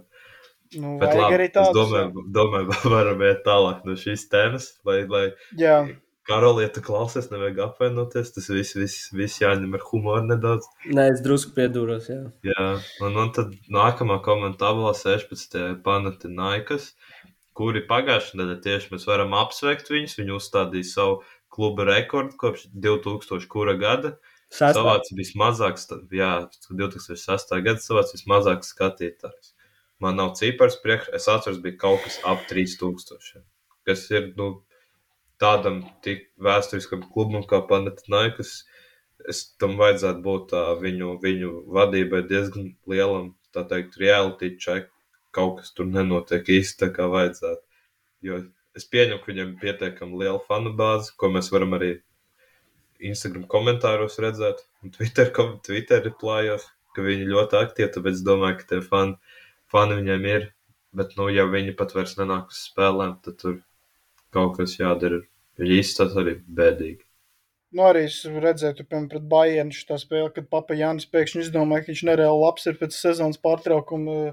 Tur arī es, vienkārši skatos, es redzu tribīnas un, nu, nezinu, divi krēsli aizņemti, tad 30 tūkstoši, divi aizņemti, 30 tūkstoši. Un, nu, nezinu, man baigi bēdīgi tiešām liekas, kā tu teici, vai vēsturisks klubs ar tradīcijām, fanu bāzi vispār, un kad tu redzi šādas tribīnas Eirolīgas mačā viņiem, nu, ļoti, ļoti žēl un gribētos, lai viņi tā kā pamostās no ielgušā ziemas miega vai vairāk pēdējo sezonu garumā. Un, un lai atkal kļūst par tādu tā playoff contenderi un ar, lai dara kaut ko līdzīgu, ko dara Partizans un Makabī. Nu, protams, tas ir cits līmenis, bet uh, uz to viņiem vajadzētu tiekties.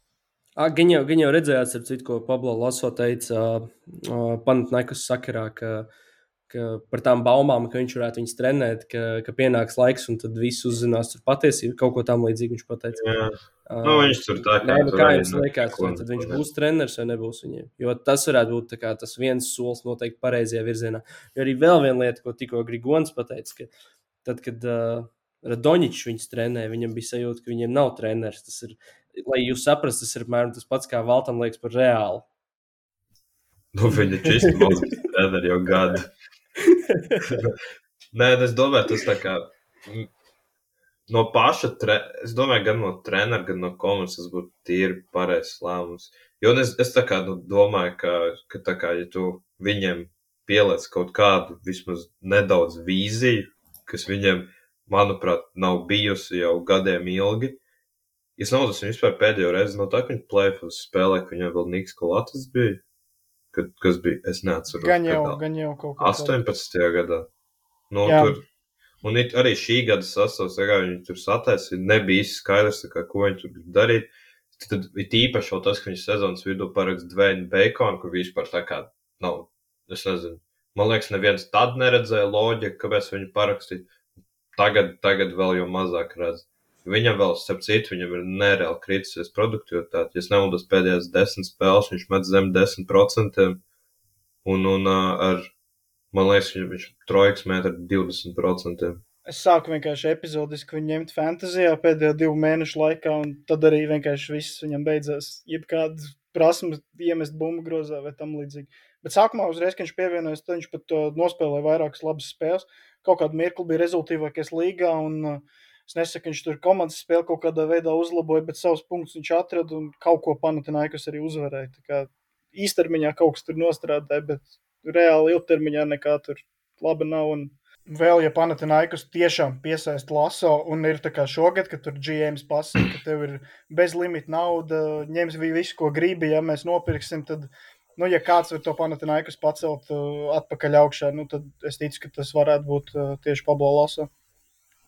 Bet, eh, zinu, ko es vēl sapratu īstenībā, kas man liekas, ir uh, eh, panāknājas problēma.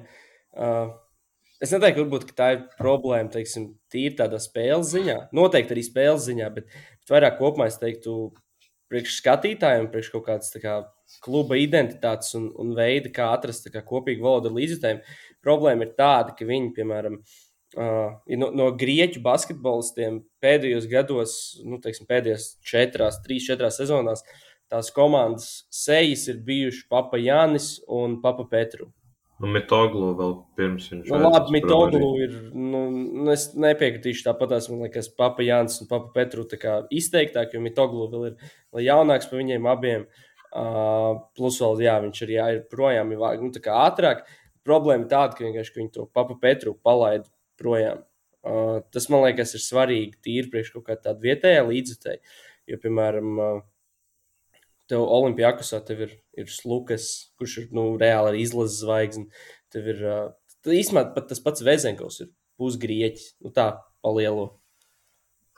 Es Jā. iedomājos atkal par reāli, ka viņus laikam nu, vienkārši saglabā. Tu saglabā Jūļu, Fernandes, visus šitos. Jā, tas arī. Tas arī. Tad, nākas, un tad laikam nav tāda džeka, ka tu tā tik ilgtermiņā saglabā. Tajā pašā, pat, arī tādā pašā žalgirī arī, teiksim, uh, bieži vien tie viņu panākumi ir pat atkarīgi vairāk varbūt ne gluži no leģionāra selekcijas. Ne, nu, nevienmēr, bet arī vienkārši no tā, kāda lietuvieši tev pieejama. Jo, protams, arī žāgrim gadās teiksim, ar leģionāriem sliktāk gadi, bet teiksim, labi lietuvieši var kaut cik to kā, uh, no, notušēt un, un padarīt to sezonu kaut nedaudz labāku. Bet, ja tev ir slikti lietuvieši, tad tur arī nekas beigas nespīd. Jo, piemēram, pastāstīs, kā šogad, kā Edgars spēlē. Jā, pats, nu, tīri, kaut vai salīdzinot ar pagājušo sezonu. Labi, es aizgāju uz citām komandām, bet tā ideja vienkārši tāda, ka, ka arī, lai tā komanda, Panatnaikas saka, tā komanda tā kā atzimt un, un kaut cik augšām celtos, tev vajag arī kaut kādus tos grieķus, ar ko tie, tie mazie bērni var uh, nu, kaut, vai, kaut vai mazie bērni, vai vispār jebkurš līdzjutējs kaut kā asociēties. Jo, ja, piemēram, ar, ar Dveinu Baconu, kuram man liekas, ir pilnīgi pie dirzas par to komandu, viņam ir uh, svarīgāk uzmest uh, 18 sarežģītus metienus, un pēc tam ar Maiku aiziet kopā iekost. Nu, viņš, nav, viņš, nebūs, viņš nebūs ilgi tajā komandā. Viņš nebūs cilvēks, ap, ap kuru tu centies tur būvēties, vai cilvēks, kuram tu dos to ilgtermiņa līgumu.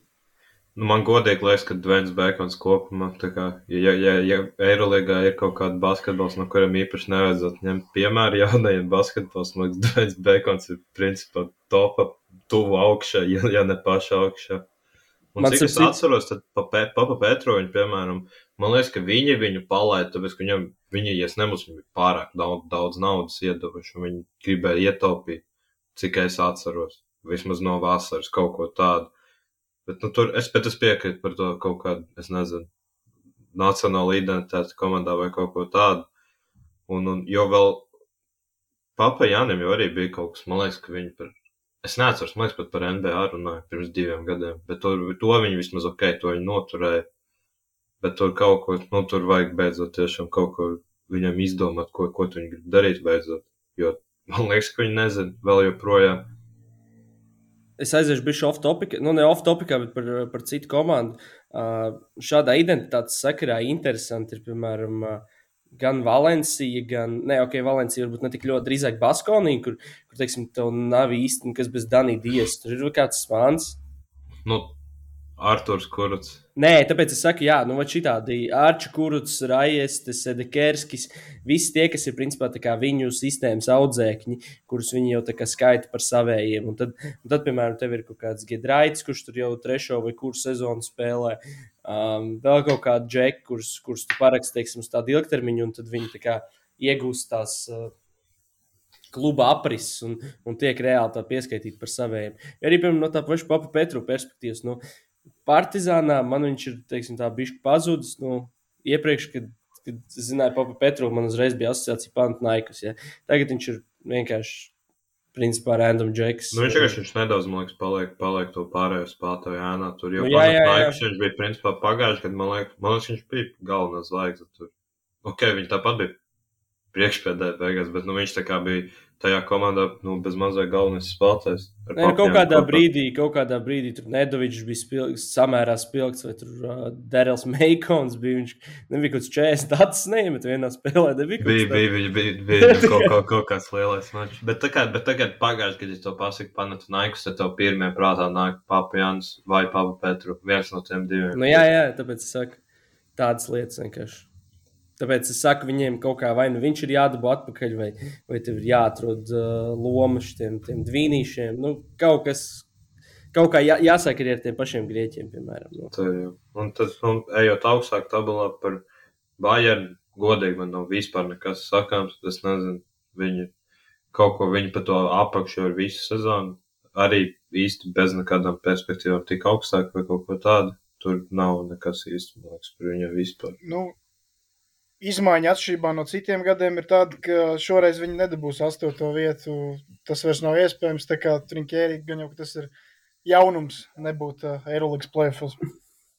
Trinkēri vēl, es nemaldos, uh, līgums beidzas šovasar. Nu, Jā, viņam arī traumas gribēju... daudz bija. Lučičs tieši... bija ārā, Bonga atnāca vēlāk. Bet arī tas sastāvs arī nav, manuprāt, playoff cienīgs šo, šo sezonu.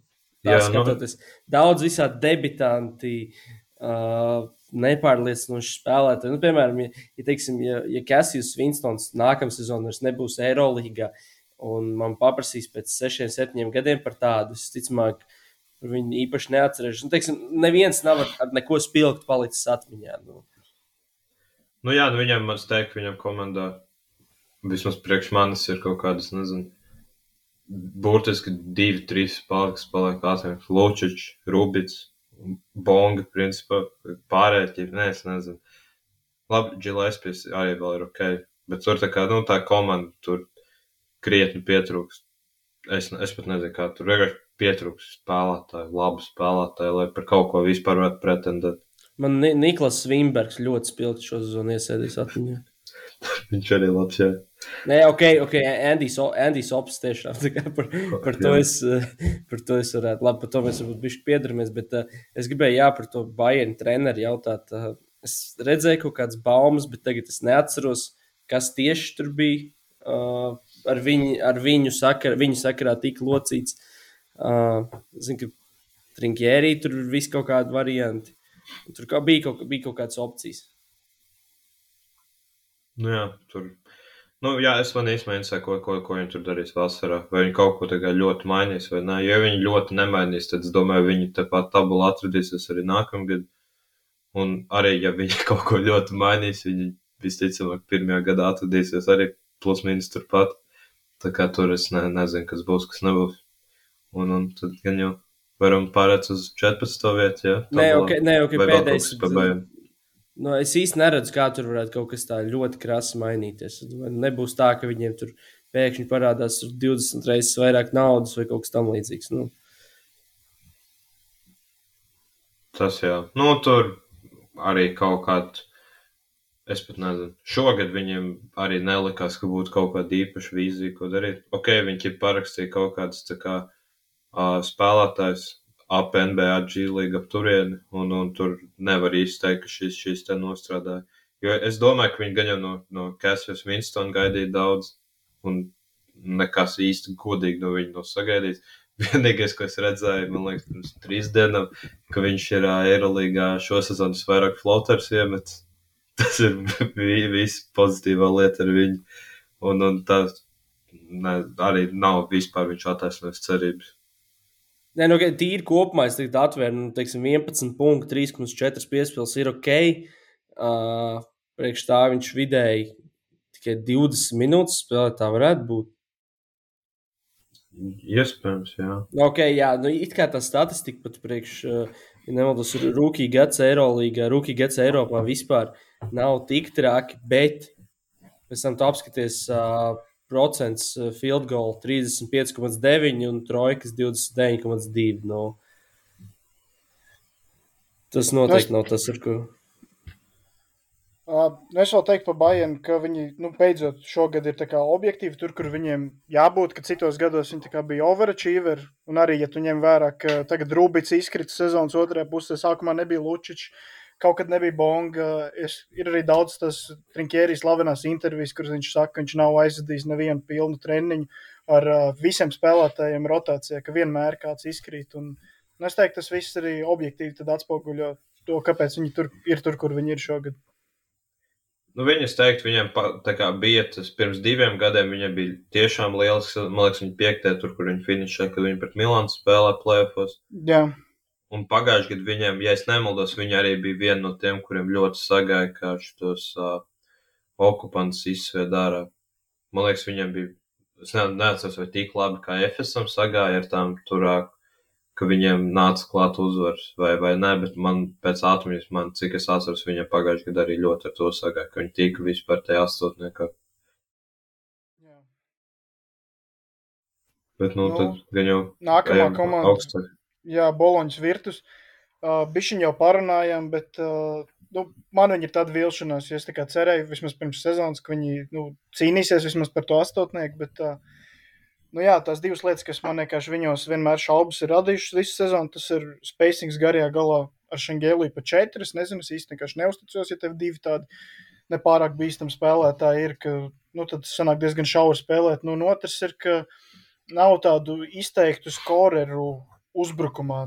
Tu prasi no veterāniem Teodosiča Belnelī, ko mēs jau runājām, un nezinu, Hakets kaut kur pazud, un ja Lumbergs varētu būt, piemēram, tā scoring mašīna, būtu baigi labi, bet uh, nu, nav viņiem tāda reāla scorera, kam tu iedod bumbu rokās un pasaki, nezinu, iemet mums punktus, uzvar mums spēles. Nu, nav kāds no veterāniem to dara, un kaut kad jau sajiet, bet uh, lielākoties nepārāk. Viņam arī, diemžēl, relatīvi bieži sanāk, es nezinu, atlēt kaut ko pat 30. Šonadēļ Makabī, man Tagad liekas, bija viena pēdējās brīdi tuvu mīnus jā. 40. Tur tas, bet tur, tur es viņam, es, ne, es ne, neesmu droši par viņu to līgumu situāciju spēlētājiem, viņi tur ir tiešām tur sadalījuši pat daudz naudas tādiem, kuriem nevajag dot tik daudz, tādiem kā Lumbergam, tam pašam Mīlušam, Belnelli, Šangēlijam, un, un tur nedaudz, nu, man liekas, nedaudz paši, paši sev kājā iešāva šiem lieliem līgumiem. Tagad arī Teodosičs daudz spēles nav spēlējis. Un, uh, es nezinu, jūs domājat, ka tā ir likumsakarība, ka Virtus tagad lielāko daļu pēdējās spēles ir zaudējuši un diezgan pārliecinoši zaudējuši. un ka Viņiem ļoti izteikts un manāms ir tas Teodosičs trūkums, nu, ka viņš krietni labāk padara šo komandu, jums tā liekas? Jā, viņiem nu, nav, nav veidotāji bez viņa.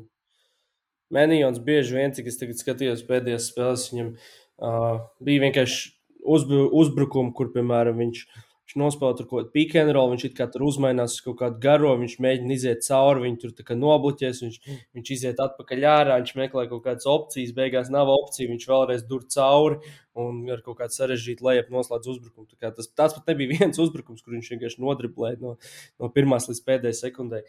Milošs noteikti labākais veidotājs un īstenībā. Uh, man kaut kā pēdējā laikā nedaudz mainījās domas par, piemēram, to Belinelli un, un Milošu līgumu. Nu, Nu, viņi, to, viņi ir leģendas abi divi. Uh, viņiem ir 35, Belnēlī 37, laikam Milošam 35. Nu, ok, nu, Kriču viņi ir jau visticamāk aizved viens no pēdējām sezonām savās karjerās.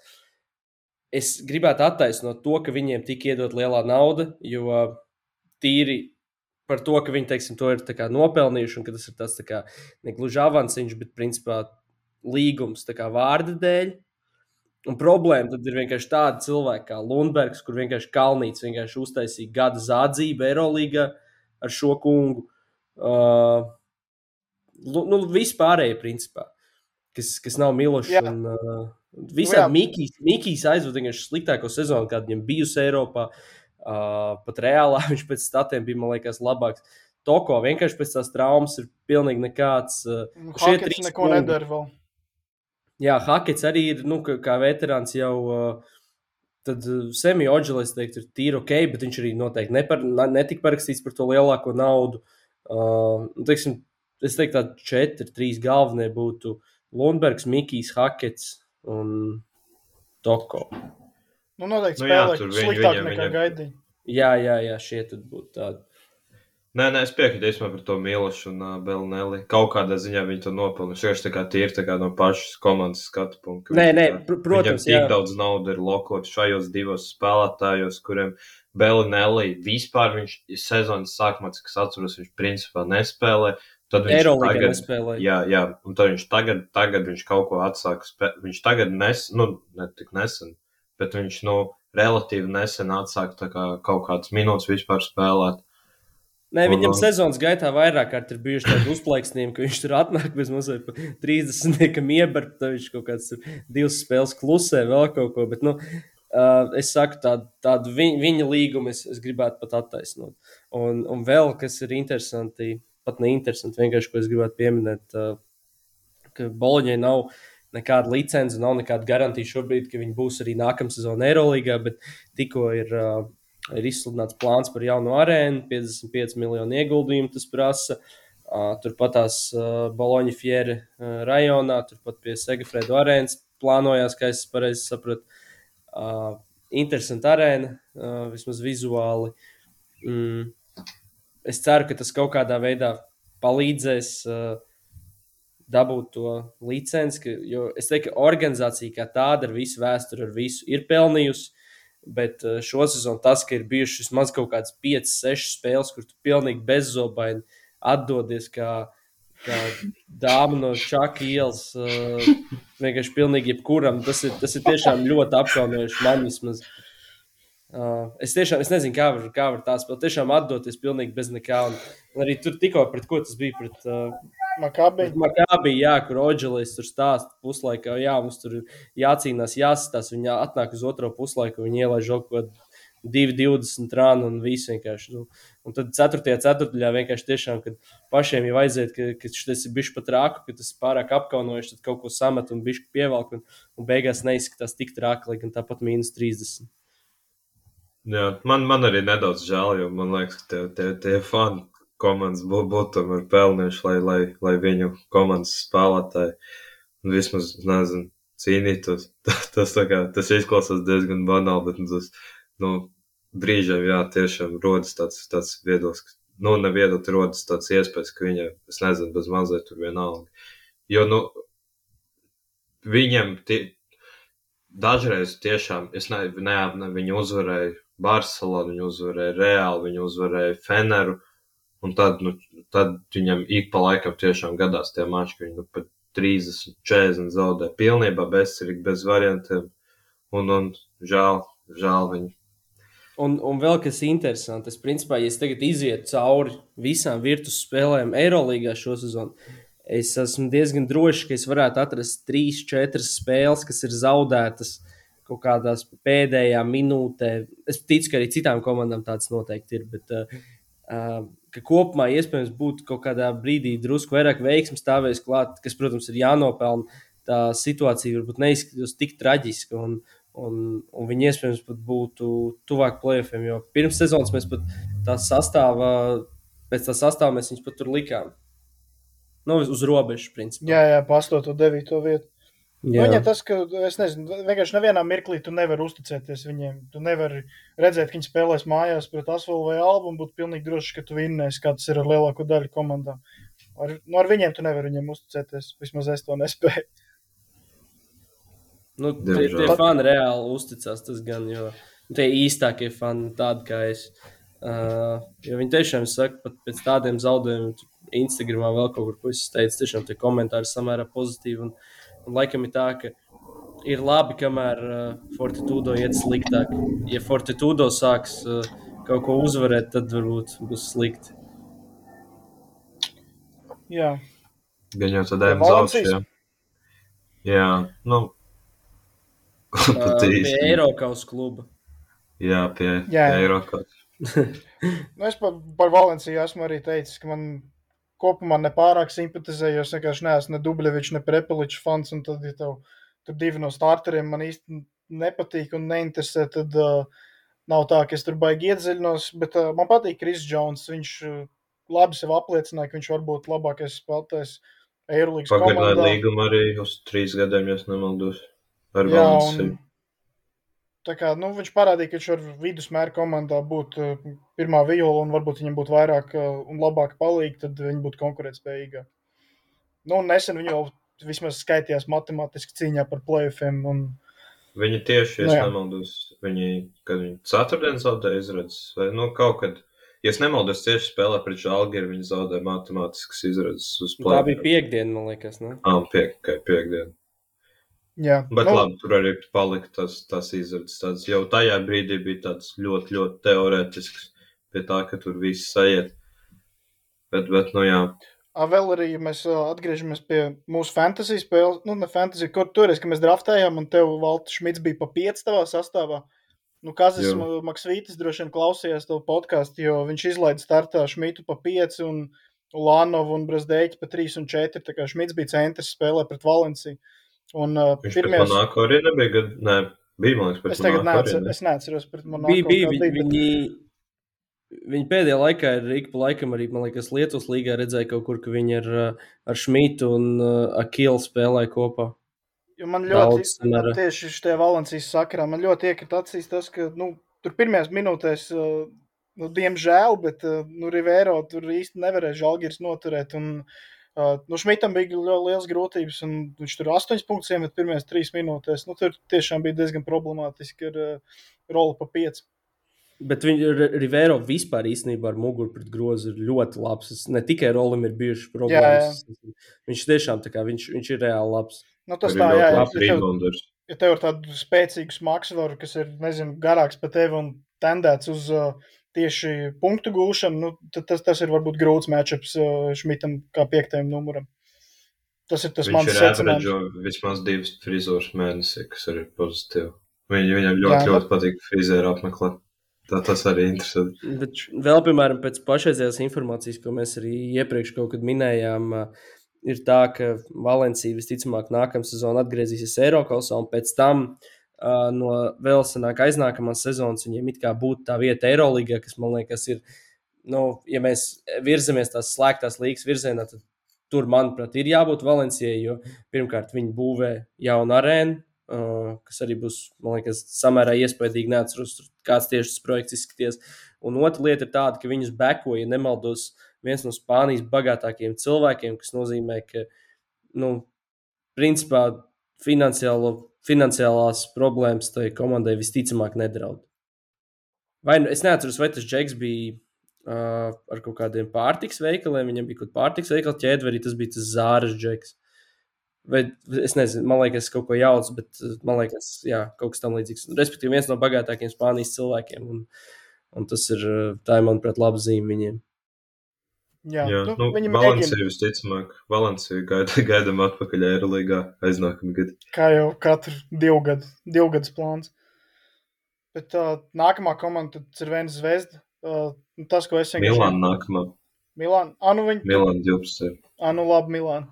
Ap Milānu es nesagatavoju sakāmu, bet uh, viņi sāka tiešām superīgi spēlēt. Vienkārši tas, ka tas notika pa vēlu, ja tu sāc sezonu ar 6, 15, nu, tad, uh, un tavs ambīcija ir tik plēfos, nu, tad tas ir diezgan nereāli, un viņiem vajadzēja reāli visu pēc kāds vinnēt, lai to izdarītu. Un kaut kādā ziņā varbūt viņi nokavēja nepieru parakstīšanu, ka viņi mazliet pa vēlu to izdarīja, jo tad arī sākās labas lietas ar uh, viņu. Ko Tur jūs arī, domājat? citu uzreiz, tur arī citu uzreiz atvērās, atraisījās. uh, Es personīgi tai komandai pat noticēju, jo tīri pēc sastāvā, nu, protams, ir grūti uzvarēt tur katru spēli, bet kaut kā joprojām liekas, ka tagad tajā izskaņā tā atslēgas spēle bija tā, tā reāla spēle. Jā, Jā, Jo viņi pēc, pēc tam viņi. No Refes bija tā key spēle. Tas bija vēl interesanti, ka pagājušajā gadā Efesa Milāna spēlēja playoffs sēriju. Pirms sezonas Atamans pateica, ka viņš sagaida finālu Efes Milāna. Un tad, uh, ironiskā kārtā, kaut kādā tagad 30. spēļu kārtā, Efesa Milāna spēlē to savu spēli ar likmi, ka zaudētājiem nu, sezona būtībā ir beigusies. Tā kā Vēl nevis fināls, bet cīņa par cerību saglabāšanu, par, nezinu, 9. un 10. vietu. Tā kā viss pagriezās citādāk. es, es gribētu tāpat domāt, ka nākamā sezona tur viss ir Milāna, būs kārtībā un viņi būs, būs atpakaļ. Jā, Es arī es, man liekas, ka ja viņi, es, viņi varētu iesākt sezonu normāli spēlēt ar puslīdz veselu sastāvu, gan jau, gan jau visam vajadzētu būt ok. Jo tā kā tur, protams, viņiem arī ar visiem, tā kā ar visām tām traumām moši nevajadzēja būt tik slikti, kā bija, bet tas, nu, tāpat kaut kādā, tomēr tas tā traumas traucē, ja tev, ja tev vēl komandas, tā kā paši galvenie līderi viņam krīt ārā, tad, nu, ļoti grūti pēc tam kaut ko, kaut ko saskēmot. Žēl, žēl, ka tur viss pa vēlu notika. Un jā, ne, neko, neko darīt. Nu, viņi visu sezonu nav bijuši veseli reāli. Nu jā, Jā. jā, tur. Un Nu, tur jau vēl pats rākākais, ka tur krīt ārā, es nezinu, visu ceļu. Tur nekrīt ārā rīčī, tur krīt ārā šīls, pangas. Nu, ļoti svarīgi spēlētāji komandai. Un, un, Un ilgu laiku ļoti arī. Nevis tur nedēļa, divas, bet mēneši tie bija. Nu, jā. Šīls jau visticamāk vēl tagad nav līdz galam, gatavs es tā pieņemt. Starp citu, Rīčī kungam manā universitātē bija pirms divām dienām izlaidums. Aizgāja Viņš- ananāsu apsveikt. Nē, es redzēju tikai Instagramā, ka viņš bija ieradies uz izlaidumu matemātikas fakultātē. Es tikai nezinu, kāds vai viņš ir bakalaurs vai, vai maģistrs vai, vai nu, doktora grāds, ticamāk, viņam nav. Iespējams, apsveicam. Jā. Jā, sveicinu. Un es redzēju, es redzēju, ka viņš, viņš esot šajā te, tā kā lekcija, nu, auditorijā rādījis kaut kādu basketbolu video. es nezinu, vai tas bija saistīts ar, ar, ar ko tas bija saistīts, bet viņš rādīja kaut ko tur. tā. Ļoti labi. Tad, tad tālāk pie zvezdas, gan jau tev, Norbert, bija kaut kas vēl sakts, ko teikt par Jā. tieši. Nu, es ar to sezonas griezumā, līdzīgi kā Milānai, tas, ka viņiem ļoti iegriezās tas, ka viņi dokumentus neprot sakārtot, un problēmas ar Kampaco, jo tad, kad Kampaco atgriezās, jau bija mazas cerības. Un otrs, ir, ko es lasīju, ka tagad parādījies, tagad uh, Kampaco Vildoz sāk ar vien sūdīgāk spēlēt. Un Es atgādināšu, ka viņš tur decembrī bija vispār uh, līgas MVP, viņam iedeva un tam līdzīgi. Un uh, es lasīju, uh, bija rakstīts, ka Vildoz pats stāsta, ka viņam ir uh, grūts periods dzīvē, uh, izšķīries ar draugu. Uh, tas ir lielā mērā iemesls, kāpēc viņš ir bēdīgs un spēlē tik švaki kaut kādu pēdējo Jā. mēnesi vai divus. Viņš, tur, viņš kaut ko teica, ka viņš tur izšies, viņš, viņam bija bijis ar treneri, ar komandas biedriem. Jā, ka viņš tagad strīdās, kā šķīgs ir un viss pārējais. Viss Un, slikti Bet, bija, bet bet pēc tam, kad viņš par šito atklāti pastāstīja, viņš uzreiz labi nospēlēja. Nē, nē, viņš jau tur, man liekas, tur, kā, tur tas citāts bija bez mazliet tāds, ka bija ļoti liels problēmas, bet tagad, tagad ir ok. Tad, tur, nu, Nu, tad viņš sāk nesamal, labi spēlēt. nesamalojās tomēr. nu, re, tas Se- Serbijas Bet, līnijas eh, fināliem mums gatavs būs. Bet es esmu par zvezdu. Es, es, es gribētu teikt par kaut kādiem 90% pārliecināts, ka nākamā sezona viņi būs krietni tuvāk uh, Asvelam, Panatam, Albai nekā, nekā Jo- viņi ir šogad. Jo tu domā, ka Es- kam pats būs prom?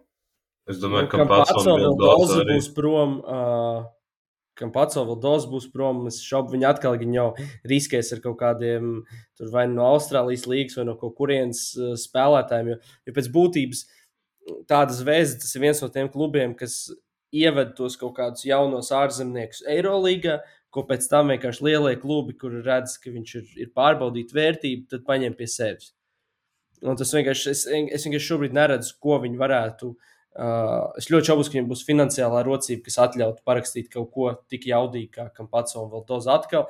Tātad viņiem ir jāriskē vienkārši atkal ar kaut kādu rūkīju, ar kaut, ko, nu, ar kaut kādu kaķu maisā pa lielam. Un tad, nu, Nu, viņi īstenībā labi ar Petruševu šo sezonu trāpīja, jo es teiktu, ka viņš tur FSA jau bija pilnībā aizpildījis un neko nedarīja. Un tāpat arī izlasē, kā mēs visi atceramies. Un es simts reizes uzsveru, ka visi Latvijas gari ir labāki par viņu. Bet, nu, viņš atvērās kaut kad sezonas laikā, un tagad jau ar 11 punktus met, ir stabils starters. Un, uh, Kaut kādas spēles pat palīdzēja izšķirt un dabūt tās uzvaras. Tā kā Tas ir tas viņa varbūt pozitīvais stariņš, ko viņi varētu mēģināt noturēt.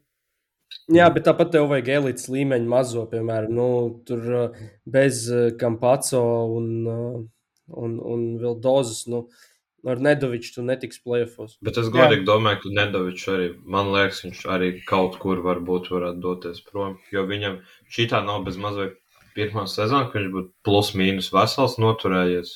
Nu, liel, vismaz lielāko daļu sezonas, jo pirms tam viņam, tā kā viņš bija panatā, man liekas, viņam tā bija diezgan aktuāla problēma, ka viņš īsti nespēlē. Tas Jā. vismaz man tīri no atmiņas nesaudēs tur nekādas, nekādas spēles skaits vai kaut ko tādu. Gan, Nu, nu, šo sezonu mēs viņu vairāk esam redzējuši. Vismaz arī man atmiņā viņš vairāk ir palicis nekā citos gados. Jā. Starp citu, šo sezonu tieši uh, par spēli mazāk nekā pagājušā sezona Pantnaikusā.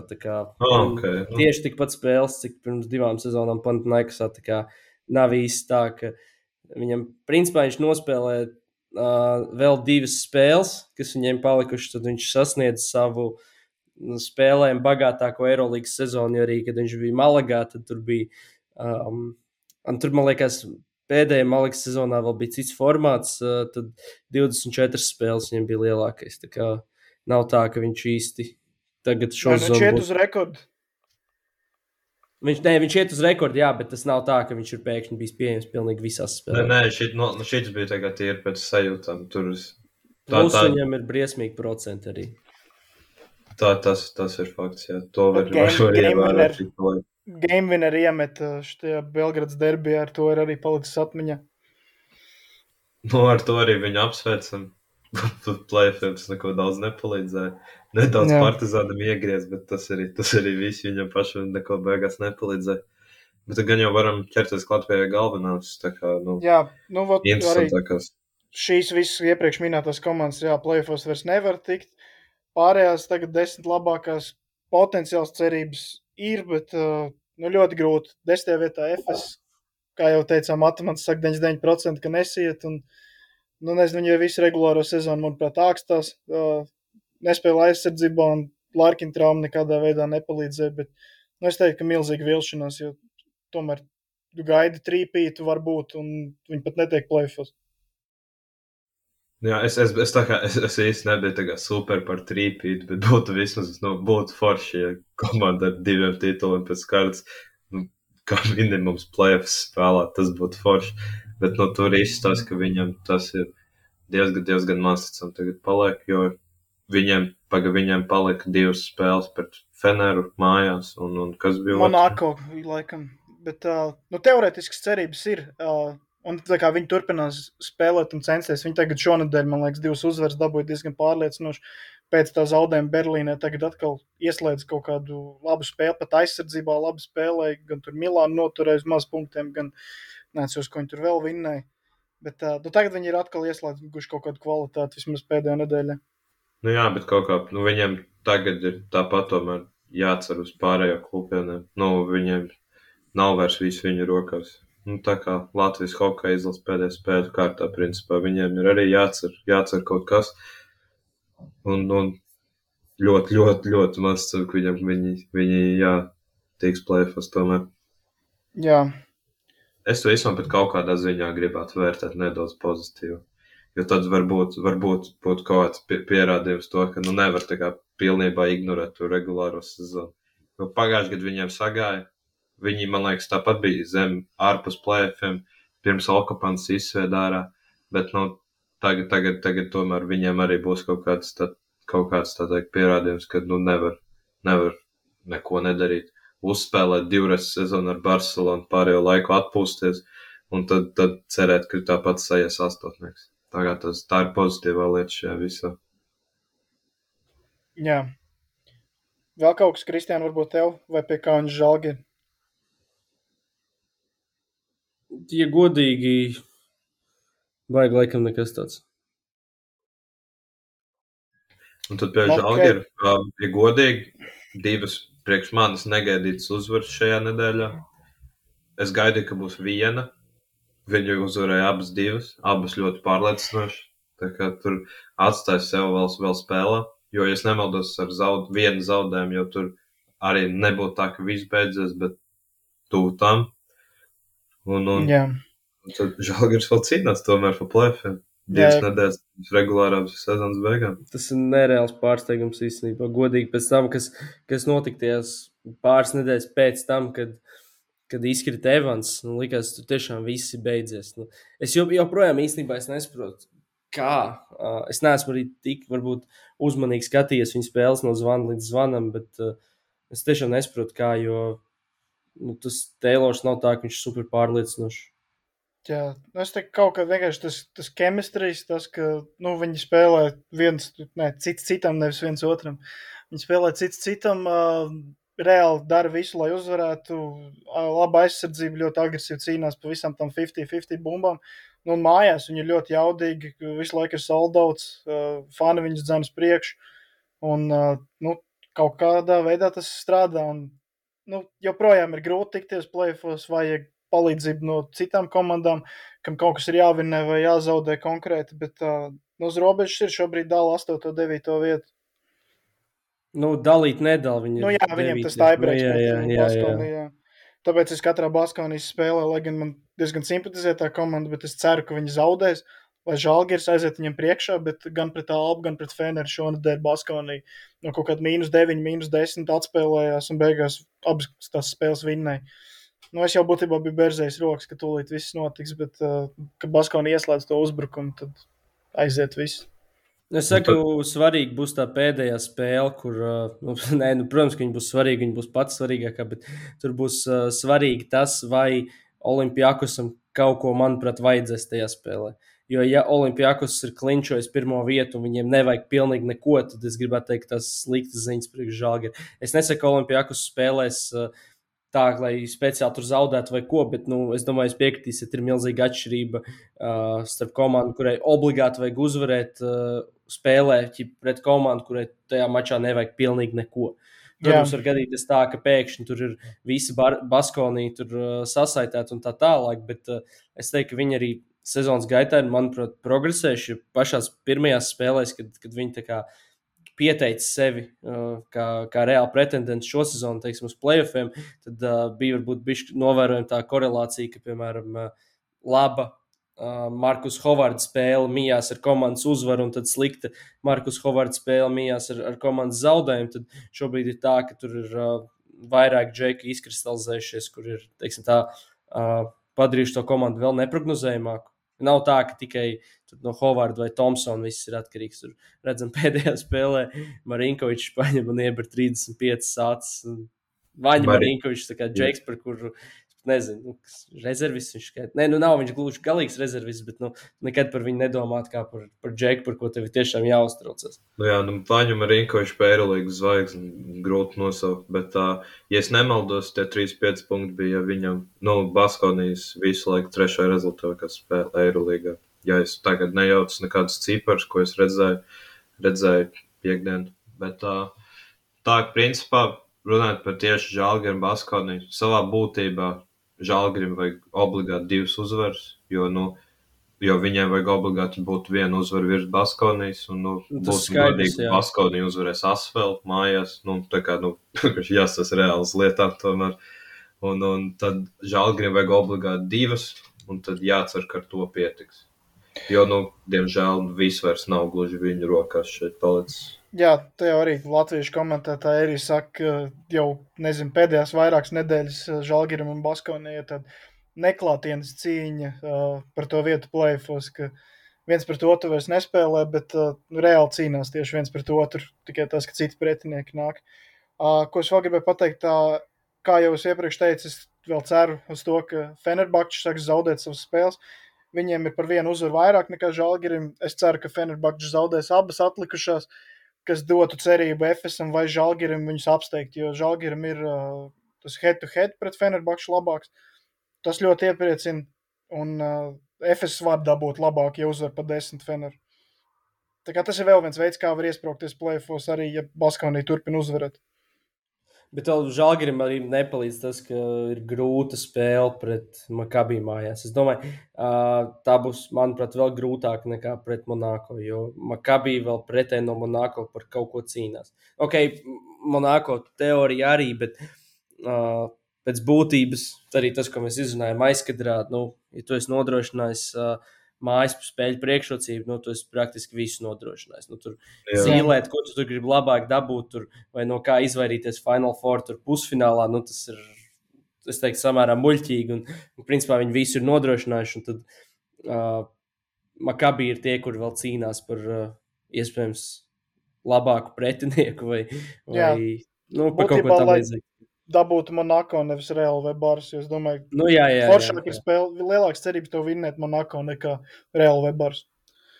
Un arī tas, ko mēs runājām, ka tādā um, Monako Makabī ceturtajā finālā scenārijā tas būtu tāds nu, rīktīgs tāds Eiropas amerikāņu duels par derbiju. To laikam nevar saukt, jo viņi nav tur no vienas pilsētas vai, vai kā tur tas īsti skaitās. Bet nu, tās būtu Jā. tādas divas amerikāņas komandas. Jā, nu man ir Jā. patīk, ka tas būtu tāds gārdu duels. Uh, nu, tas, ka abām komandām tie galvenie spēlētāji ir tieši tie mazie spēlētāji, un tad viņi tur varētu noskaidrot, kas ir kas tā teikt.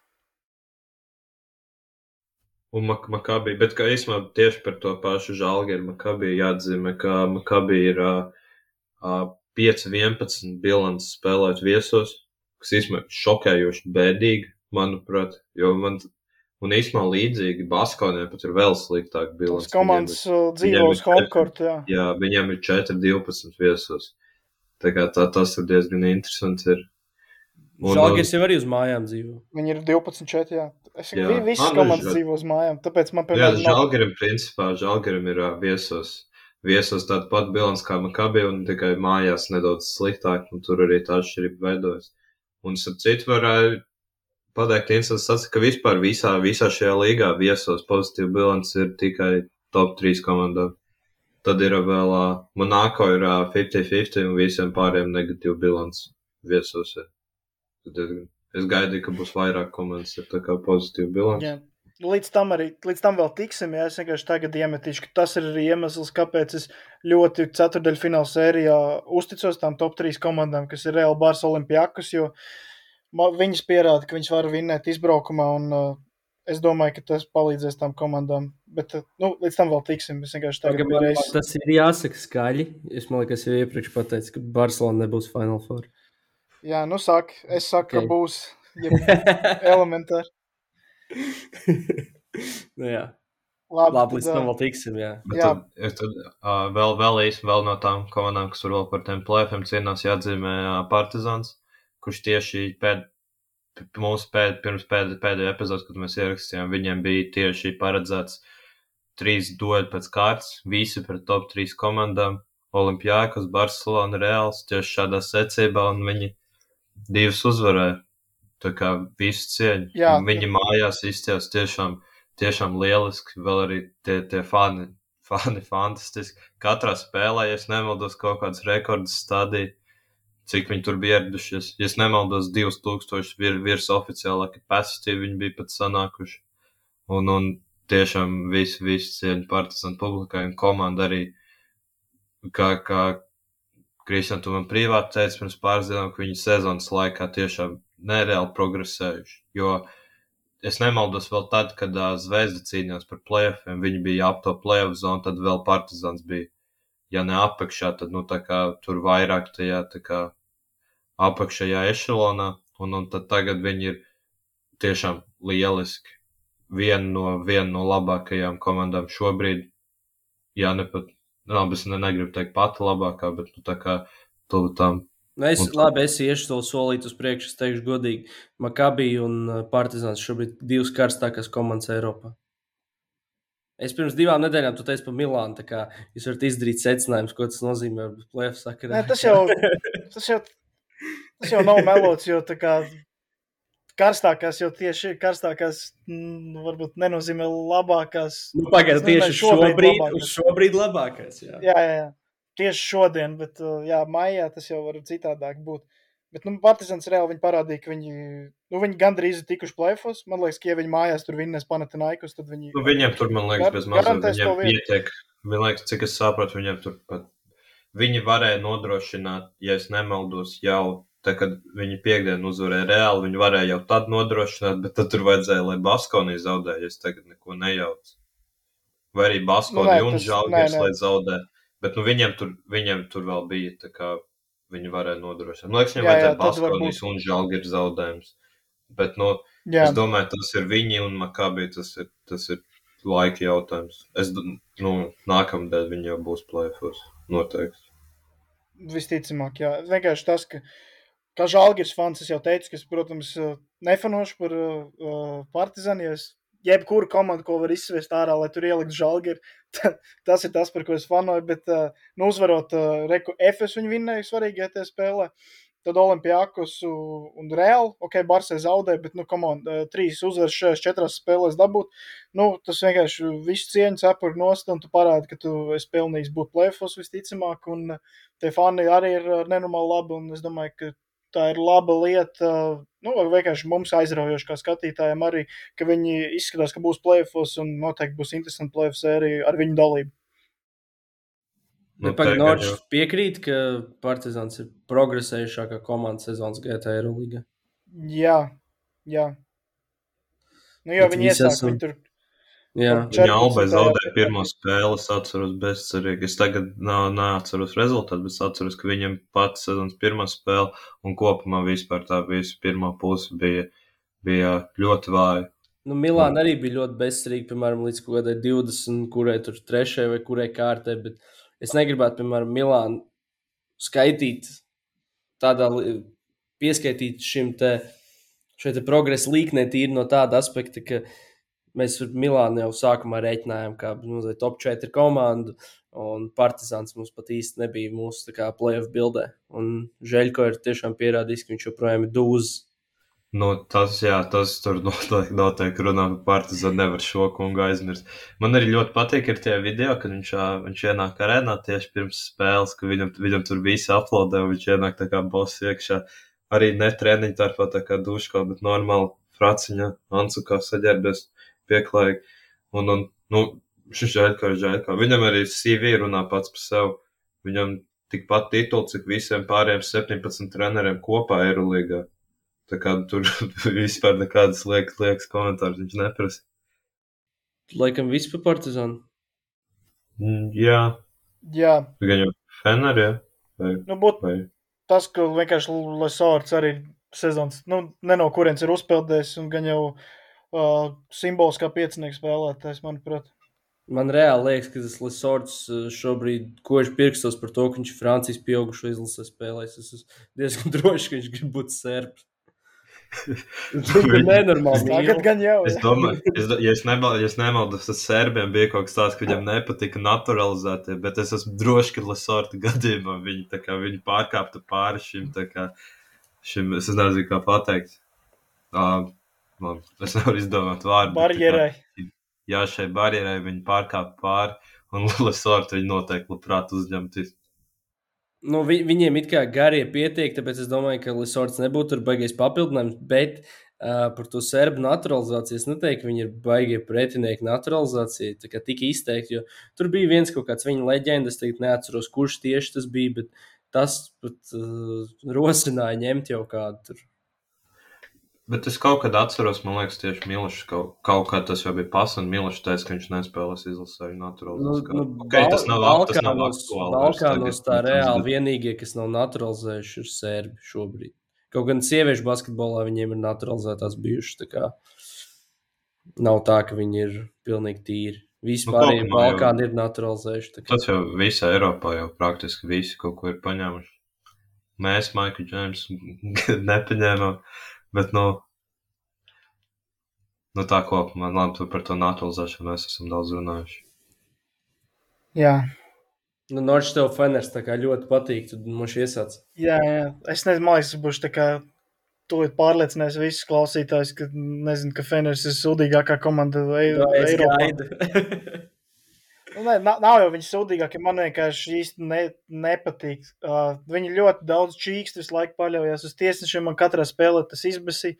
Uh, mm, man patīk, ka Latvijas, jo kā, uz viņu vienkārši ir interesanti skatīties, un tu vari kaut ko pamācīties. Bet, uh, Vai arī tu gribi frizūru kā viņam?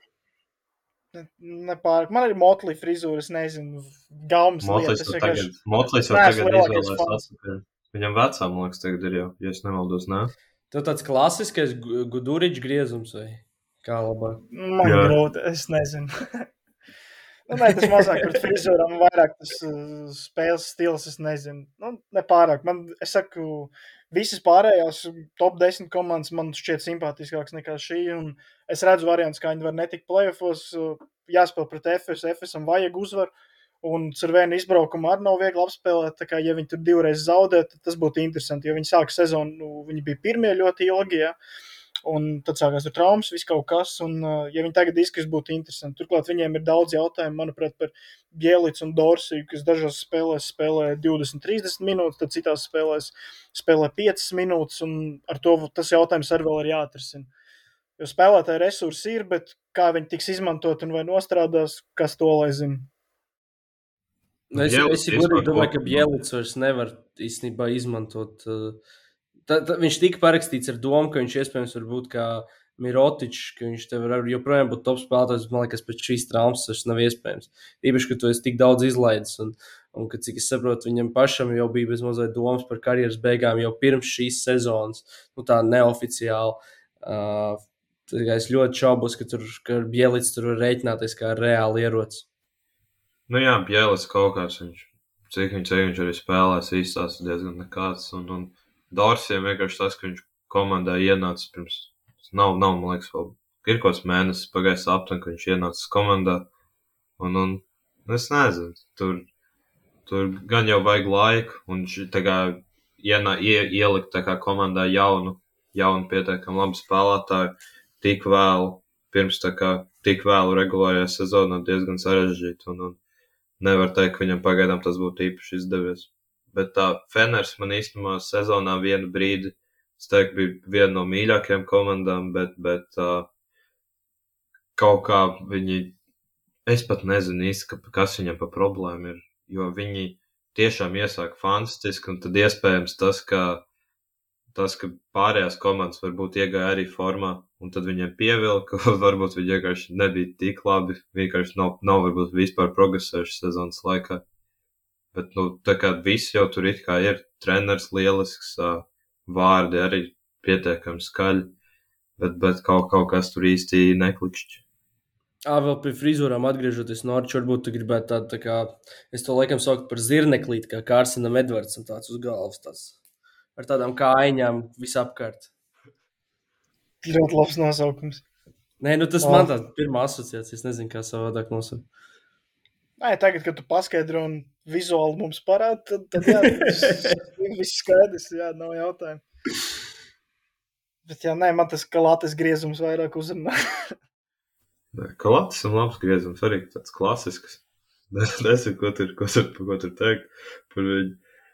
Bet eh, tā reāli es domāju, ka, ka Feners ir arī nedaudz apdedzinājies ar savu komplektāciju. Es pieļauju, ka viņi no Kārsnes Edvards noteikti tika gaidīts vairāk.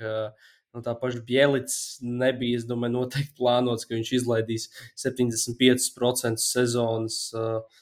Kas tur vēl? Nu, Guduričs spēlē ļoti labi šo sezonu. Jā, Viņš ir ļoti labs. Kas, kas tur vēl tāds - ah, Vilbekins tagad ir notraumējies vēl. Jā, nu, es saku, es domāju, ka viņi ir ar kaut kādiem pāris. Kas viņiem bija trešie numuri? Nigels. Ka Viņš labi ir spēlē. labs spēlē, bet, bet labi par tādu tīru trešo viņu grūti nosaukt. Um, kas vēl bija? Dešons Piers vēl bija. Ir, jā, viņš, bet viņš Jā, kaut kad bija traumēts, un tagad es nācos, viņš šodien spēlēja. Bet es īstenībā piekrītu par to Kārsonu Edvards, jo es pieņemu, ka viņu, viņu parakstīja kā, kā otru driblētāju, tā, tā, tas tā teikt backup unitam, un, un nu, viņš neko īsti nav, nav attaisnojis sev. Varbūt viņam treneris neuzsas, varbūt, varbūt pats nav labs, tas ir, kā, tas ir cits jautājums, bet tur vienkārši viņam ir savā būtībā ir viens kalates, un tad tur, tur ir tie, tie tādi, kas nav īsti saspēlnieki, kuriem tad vairāk tomēr patīk pašiem uzbrukt. Tādu tagad ir vairāk, tev ir gan Vilbekins, Guduričs, tas pats Dorsijs, un tur iespējams pietrūkst vēl viena kaut kāda, kas varētu kalates aizvietot pilnvērtīgi, kuram Nu, patīk kaut kur citiem veidot, izņemot sev. Edvards jau reāli ņēma, ka, man liekas, viņš bija G-Līgas top scorers vai kaut kas tamlīdzīgs. Jā, jā, jā. Tā kā Uz papīra nebija slikta ideja. Man vēl ir kaut kāda šodien problēma ar Kalatešu. Uh, teiksim tā, ja mēs gribam kādu saspiču pieskaitīt pie top 5 saspiču līgā, nu tad man nedara, ka viņš katru trešo, ceturto spēli var pabeigt ar diviem punktiem, divām piespēlēm un komandu atlai pa 20.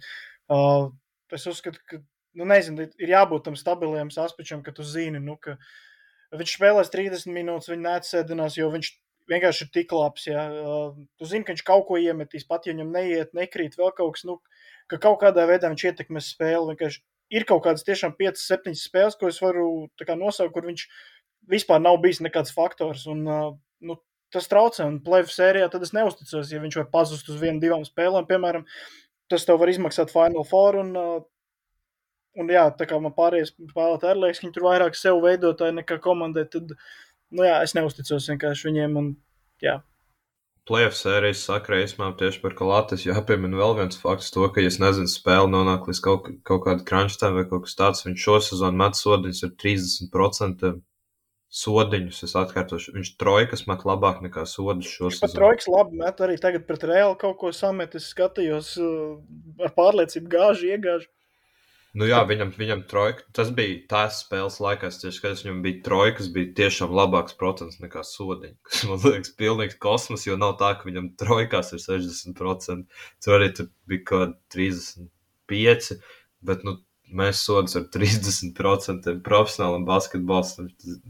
Būsim godīgi, diezgan žoski. ir. Pagaidām, man ir jautājums. Uh, varbūt problēma ir Skotijas Vilbekins. Tāda reāli liela problēma. Jo ar uh, Makabi arī nebija tā, ka okay, pagājušā sezonā viņi bija plēfos, bet uh, nu, viņš diezgan Arī. mokoši izskatījās kopumā. Jā, nu, nu viņš komanda, ja salīdzinām Makabi pagājušā sezonu, šo sezonu, tagad uh, tas pats FNR, nu, viņi it kā būs plēfos, bet man ik pa laikam piezogās tā doma, ka, ka Vilbekins, es atceros vēl tiešām pirms, pirms gadiem, diviem, trījiem, viņš mazliet bija tāds tā kā līgas uh, top 3 aizsargs kopā ar Maiku un, nu, amerikānis drīzāk, kopā ar Maiku un Šeinu. Tagad Jā. Es ne tuvu negribētu viņu likt šajā sarunā, pat minēt. Jā, es arī. ā, Nu, labi, tagad uh, viņš ir nu, tā kā notraumējies kaut kādu laiku, un pēdējās spēles tas uh, nu, nav tā, ka Feners labāk spēlē bez viņa. Ja, bet uh, es vienkārši līdz galam nedomāju, ka viņš spēlē to tā kā uzvarošu basketbolu. Es jau esmu teicis, Piekrīt, piekrīt. viņš labi. uh, met daudz sarežģītus metienus. Ok, kaut kādās spēlēs viņam iekrīt, un tad viņam ir. Paši arī Maiks dara. Ja, bet viņš, viņš to labāk kaut kā dara. Nē, es piekrītu, es piekrītu, es piekrītu. Es Tu piekrītu. to nevari īsti izskaidrot, bet uh, tas, tas citādāk nostrādā. Un, uh, tāpēc arī, piemēram, nu, ne, nezinu, vienkārši arī Makabī īsti negāja pagājušajā gadā. Nu, es nezinu, kā šo izskaidrot. Es, teiktu, es negribu viņu likt vienā sarunā ar Baconu, bet uh, nu, kaut kādas. Ir kaut kas uz to pusi. Um, pat ja tu dabū punktus, tas nekādā veidā negarantē tev uzvaru. Un, uh, nezinu, citās spēlēs, piemēram, ja Džanam Musam ir daudz punktu, nu, tu zini, ka Real Madrid ir cīnījušies vismaz par uzvaru tajā spēlē. Jā. Ka Vilbakins tikpat labi var iemest savus metienus, foi iemest savus punktus, un uh, tik un tā viņi var mīnus 20 uh, zaudēt. Jā. Un, nu, nezinu, arī uz acis skatoties. Es vienkārši domāju, ka, lai dabūtu titulu, ir jāspēlē bišķiņ citādāk. Un, jā. nu, tas ir mans subjektīvais viedoklis. Tur es man laikam arī, arī jāpiekrīt par šī jautājumu. Viņš, man liekas, viņš bija vienu brīdi Vilbekins bija ok, bet tas bija vienu brīdi, ko, man liekas, mēnesi, kas bija, nemaldos, novembrī vai decembrī. Un, un tad tur jā, kaut kas tur viņam īsti līdz galam nelīmēs. Jo man īstenībā likās, ka tīri uz papīra viņam šeit vajadzētu būt labākam pat nekā Makabī, jo Makabī viņš bija bez mazliet pat galvenais ballhandlers, jo tie pārējie, kas tur bija, tur, tas bija, tur viņiem bija, pagājušajā gadā bija slikts Kīnans Evans un, uh, un Jiftoks Zivs. Viņš nebija, Kīnans Evans nebija slikts, viņam vienkārši nebija tāda loma, pat viņu pāris reizes fantaziņē, viņš bija reāli solīts, bet Vilbekins pat viņš bija konkrēti kā galvenais ballhandlers. Tur. Jā, jā, viņš tas, man liekas, tādā lomā viņš vispār nedara. Tā kā tā ir galvenā tur, opcija. Nu jā, tur tā kā tādā ziņā tieši tur viņi noteikti nevar likt vienā, vienā tā kā. Viņš kaut kādā ziņā, man liekas, līdzīgs Baldvinam. Tā, man liekas, šito kaut kad relatīvi nesen jau teicu, jo, ja veids Baldvins ar uzbrukumā pirmā opcija, to arī neuzvarēs titulu, būsim godīgi. Bet kā Veidam Baldvinam vēl ir tāda, Veidam Baldvinam vēl tāds pluss, ir, ka viņam ir tā kā augums, jo Vilbekins ir undersized, piemēram. Jā. Nē, nē, tas, bija, tas nebija. Es ne, negribu viņus salīdzināt tieši divus viņus, kā spēlētājs.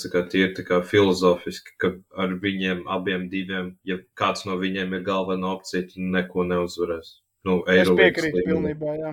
Bet, eh, starp citu, es uh, atvēru vaļā statistiku. Uh, Vilbekinam šitā ir uh, septītā sezona Eirolandā. Un tā ir otra sliktākā statistiski kopš rūkī gada, kas bija Darša Faka. Tas tā. Varbūt tas, ka mazāk loma un tev jādala bumba Lorenzo un Reku komandai tas strādā, savai statistikai nē, bet tā nav vajadzīga. Komanda ir piektajā vietā laikam. Un... Nē, nē, Vil, Vilbekinam nē, Vilbekinam nē. Es pateicu Baldvinam, jā. Ja? Jā. Ah, Vilbekinam sliktākā sezona. Jā, jā, pārti. Vilbekinam, jā, jā, jā. jā. jā. Nu, viņam arī tas, ka, Latvijas tagad arī ir tie citi konkurenti. Dorsīs ir parādījies, un nu, redzēsim. Nav viņš vairs pirmā opcija, tā kā viņš Makabē bija ilgus gadus. Jo Baldvinam pat varētu būt labākā, man liekas. Nu, vai nu tur, vai tā, kad viņš Bayernā bija viena no šīm? Nē, šī ir pārliecinoši labākā. Bayernā bija 15 acis. Pagājušā sezona 14, šo sezonu 17, 3,6, 4,7. Principā visos, pagājušā sezonā bija tikpat atlikušās bumbas, bet principā visur ir karjeras cipari, izņemot field goal un 3%. Vai tie ir labākie, es ceru, ja? Nē, tie ir sliktāki. Labi, okay, nav, nav, jāņem, bet tur nav, nav baigi liela atšķirība. Īstenībā, ja mēs tā skatāmies, tad, piemēram, neskaitot Baskonijas gadu, kur viņam īstenībā bija karjeras cipari field goalā un 3%. Tad šis principā ir otrs labākais gads kopā ņemot gan field goal, jo field goals ir 42,7, kas ir viņam iepriekš bija Olimpijākas 42,2, Bayernā 43,7, kas ir plus mīnus tas pats. Un trīņos tur bija zem 29% Olimpijākas un Bayernā, un tagad ir 32%. Un sodiņi ir labākie karjerā. Pēc būtības viņš jā, viņš vienkārši pacēla savu produktivitāti, īpaši neuzlabojot nekādas ne procentus, neko tam līdzīgu. Tas ir interesanti, jo man tā kā tīri, es nezinu, varbūt tas kaut kā pēdējā laikā, es nevēlos, viņam bija labi procenti. Varbūt tas tāpēc, kaut kāds, ja rīsens ir bais, liekas, ka viņam tagad varētu būt tā kā daudz labāk, bet nav. Nē, tur taču bija tās spēles, atceros, man viņš fantasy bija, kad Lorenzo bija ārā, ka viņš tur ir nu, tur bezmazliet efektivitāte ir mīnusā, ka viņš tur ir pa daudz uzņēmies. Un tas man liekas, jā, arī izsensībā aizdrīzāk, ka viņš ir, viņš ir iepriekšējās spēlēs labs bijis. Nē, nē, tā varētu būt. Jo tur laikam Lorenzo cik bija viņš kaut kādu mēnesi ārā. Tad jā. tur sanāca, jā, to, ka viņam bija vienam pašam jāmet grozi, un tad tur, nu, loģiski, bija arī, tā varbūt labs procents. Bija arī tur kaut kāda spēle virs 3-5 efektivitātes. Zvezda bija viena. To, kur viņš Jā. mājās, liekas, 30 plus samet, bet tas bija vairāk arī izņēmums, man liekas.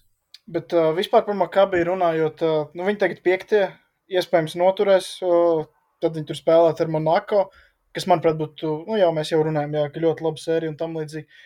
Es īstenībā ļoti labprāt redzētu Makabiju Final Four, jo man liekas, ka vienā spēlē, ja Lorenzo un Baldvinam aiziet ciet un pārējie arī tur vienkārši ir atletiski, enerģiski, tas pats Nībo, Kolsons, Romas Orkins, kurš tagad labi spēlē. Nu, viņi varētu būt arī interesants zirdziņš Final Four, un es labprāt viņus tur redzētu. Man arī pat, man liekas, pirms sezonas mēs par šo, par tieši Makabī, par šo Baldvinu Braunu duetu izteicāmies diezgan skeptiski. Un, un tad to prieks, prieks, ka šis viss strādā. Bet es, īstenībā, es nezinu, tīsmā, ko es labāk gribētu redzēt Braunu un, un, un Baldwinu vai vienkārši Maika Džeimsa Final Four. Jo mēs zinām arī, ka, ja Maikam Džeimsam aiziet ciet, viņš arī var vienīt izvilkt spēles. Jā, tik traki. Mēs arī zinām, ka viņš Twitterī kaut ko labi ierakstītu par, nezinu, labdien, tiku finālā, rīt vinnēšu, vai, nu labi, nē, tas nē, bet uz to pusi. Asapcīt, Baldvins bija kaut kad traumēts decembrī, ja? Varbūt neatceros. Es vienkārši, jā, es tagad skatos viņam vienkārši to game by game, un viņam tur ir piecās spēlēs no novembra beigām līdz janvāra sākumam ir pie 8, 25 field goals. Nu, nezinu. Gadās. Tagad viņš spēlē labi.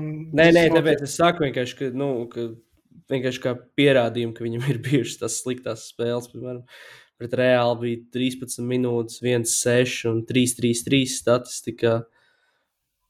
Jā, Nē, nu. ne, sezona kopumā viņam ir ar pluszīmju, rekur visās kopš viņš sanāk.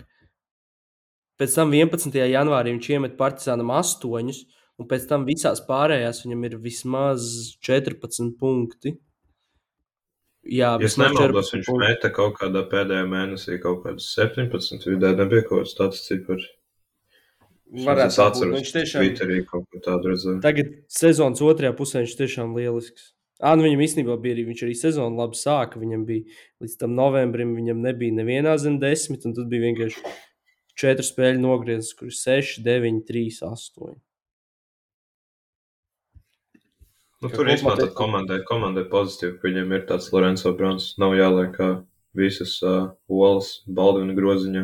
Ir arī kāds, kāds, kāds kā cits, kas var uzņemties, kurš arī ir, nu, labi, ne, negluži kāds cits. Kā tas otrs ir galvenais tomēr Lorenzo. Nu, š, tas, tas, protams, būs no sērijas, kā būtu, ja būtu, bet es esmu diezgan drošs, ka, ja viss solis būtu Baldvina groziņā, tad mēs par Makabī kā playoff komandu nerunātu. Nu, jā, jā nu viņam tāds ir. Tā kā man, man komandā, es domāju, tā kā ļoti, ļoti labi, ka tāds ir, bet tu, nu, tu, tu nevari uz viņu tā kā līdz, gaļam, līdz galam paļauties. Vajag tomēr kādu arī nedaudz, kā pateikt, piezemētāk, nedaudz, nedaudz, jā, mierīgāk. Jā, bet, ja iesākām par Maiku Džeimsu, tad uh, Varam arī pieminēt Monako, kas tagad ir 4. vietā. Maiks Džeims atgriezās no savas pauzes, ja tā var nosaukt. Pirmajā spēlē pret Žalgiri neko īsti neizdarīja, bija tāds pasīvs. Pats tur pēc tam intervijās teica, ka, īsti, ka viņam vēl jāatrod tā savu lomu, ka viņš vairs īsti nesaprot, vai viņam vajag būt tam aizsavu skorerim vai vairāk meklēt piespēles, ka viņam jāatrod tā loma. Un Žalgirim ļoti forši. Viņi otro reizi pēc kārtas arī iepriekšējā spēlē Maikam Džeimsam kad Monako bija spēle, eh, ļoti grūti gāja pret Žalgiru. Tas pats bija tagad Kaunijā. Es teiktu, ka Butkevičs eh, dzīvo viņa galvā mazliet uh, bez maksas. Bet nākamajā spēlē pret Bayernu atkal viņš parādīja, kas ir kas, ielikt 28 acis. Teiktu, ka atgriezās tur, kur viņam jābūt un nodrošināja homecourt Monako. Pagaid, cik viņš spēles izlaida ar to suspension? Četras. Četras. Man liekas, ieskaitot Francijas līniju vēl vairāk sešas kaut kādas, un visas vinnēja Monako, un tagad, kad atgriezās Kaunijā ar viņu, tad uzreiz zaudēja. Nē, man vienkārši liekas interesanti teksti par, par to, ka viņam vēl jāatrod savu lomu. Nu, nav tā, ka viņš ir mainījis komandu vai ko. Jā, jā. Nu, viņš ir lielākā tas... daļa tāpat bijis pieejams un pēkšņi nu, nav arī tās sešas spēles tik ilgs posms. Man nu, liekas, Cik tās bija divas, ne, trīs nedēļas? Ma mazāk, kā divas mazāk, nedēļas. Mazāk, mazāk. Jā, man nu. uzjautrina, jā. Ko Lorenzo Braunu darīt, kurš izlaida kaut kādas arī cik nedēļas, četras vai cik viņš nebija pieejams? Nē, bet tā jau bija, man liekas, vēl citādāk, jo, cik es saprotu, tas uh, Maiks Džeims, viņš nevarēja, principā, vispār pie komandas atrasties. Viņš arī nevarēja, piemēram, nezinu, kādu treniņu skatīties. Tad viņš bija pilnībā noņemts nost, un, un tad komandai tīpa noņemt to, noņem līderu nost, tad to nu, tev jātur citādākā spēlē, tad viņi viņu atrod arī visas uzvar, un tad viņi, viņš ienāk atpakaļ, un tad tur diez, diezgan grūti, jo viņš kaut kā bišķi, bišķi jauc ārā visu to bildi, un, un diezgan arī nepatīkams laiks sezonā, kad to visu darīt, jo tā kā tagad kaut ko sāk no nedaudz no jaunas schēmas, kaut kā pirms, pirms pašiem playoffiem nav pats labākais brīdis gluži. Nu, bet tāpat tur nav noteikti nekāds ne jauns playbooks, nekas. Tāpēc ļoti kaut kā, nezinu, skeptiski. Nē, nē, tas vairāk, man liekas, sajūta ziņa. Es nezinu, piemēram, tur arī nedaudz tu jau kā spēlētājs, nedaudz no rītma izēja. Tad, nē, es nezinu, tur. Man liekas, ka šo var pielīdzināt kā, daļai pielīdzināt Covid protokoliem, tad, kad ir, kad, piemēram, NBA, tu kādreiz tu nokļūsi Covid protokolos, tev desmit dienas jāizlaiž, tu nevari nevienu satikt, sēdi mājās. Jā. Nu, apmēram tam līdzīgi, ja tu nepiedalies treniņos, vēl kaut ko, man liekas, vienkārši tā problēma, tas uh, kaut kāda psiholoģiskā lieta un uh, komandas tā, tas ķemistrijas, ka, nezinu, pat uzsēšanu vai konfliktiem vai par ko iz, viņi izmet ārā, bet kā tas bija, nu, nezinu, bija konkrēti iemesli, ja tā nebija trauma vai veselība, un ka tas varbūt tā ir tā grūtā lieta, kas viņiem ir uh, jāsaštoko, bet uh, no otras puses gribu argumentēt, ka viņiem ir diezgan laba pozīcija un par to, kas liktas laiks šim, es teiktu, ka Mm, varbūt ne ļoti, jo nu, viņiem ir tā stabilā pozīcija. Tagad viņiem ir laiks līdz playoffiem, un nezinu, varbūt Maiks būs vēl motivētāks nekā jebkad uh, savāksies, uh, netaisīs konflikts, uh, nekaitinās Mārtiņu gulbi. Un, uh, nu, jā, vienkārši varbūt pieņems pareizos lēmumus un labā formā uzņems gan sevi, gan komandu uz playoff laiku. Nu, cerams, viņam tagad, tagad jā, var principā gatavoties jau. Es nezinu, kad sākās ar plēfu, kodiem nebija 20. datumu.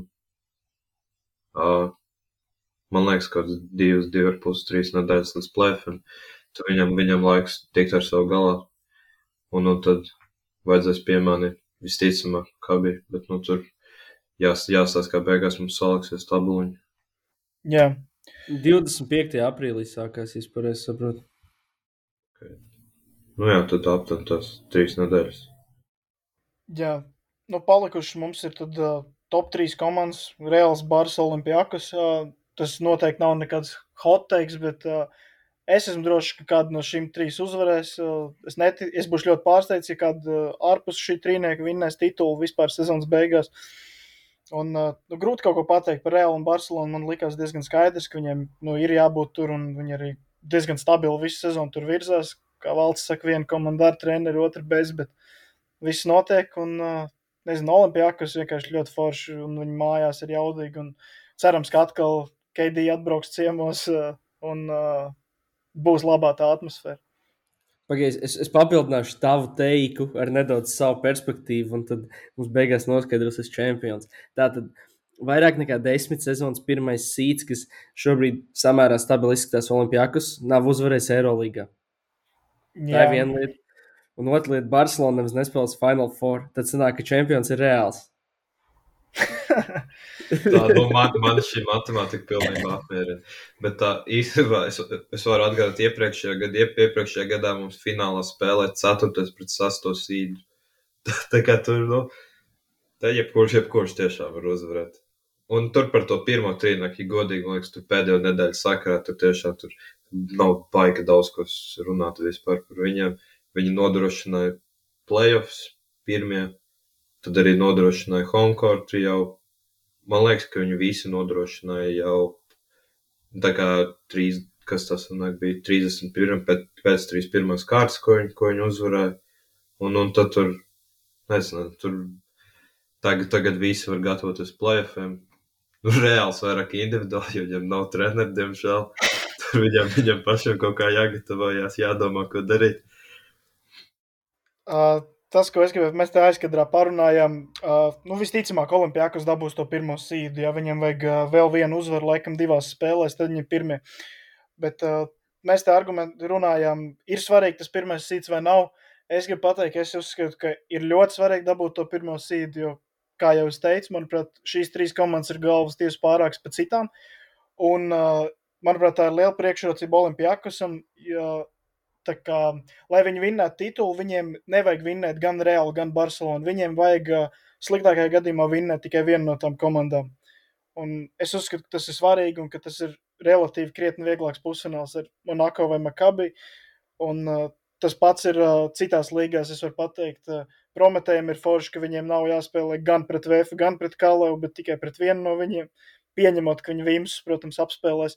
Un tas pats NBA, es arī skatos uz šo īstu, īstu konferenci, ka tur, tur ir uh, Celtics, Philadelphia. Un es arī uzskatu, ka tur pirmajam sīdam būs liela priekšrocība. Ka būtībā tev vajag nevis divas haizivs izsist, bet vienu visos šajos scenārijos. Es uzskatu, ka tas ir svarīgi un tas at, krietni atvieglo tev ceļu uz finālu un vispār titulu izredzēm. Es godīgi uzskatu, piemēram, šitā, šeit Eirolandā Tā kā tu nodrošini homecourt, man liekas, tu vari sākt jau gatavoties plēfiem, ir īpaši šogad, jo, manuprāt, nav vispār nekāda atšķirība, kas to no tā 5 līdz 8 nāk pretī plēfos.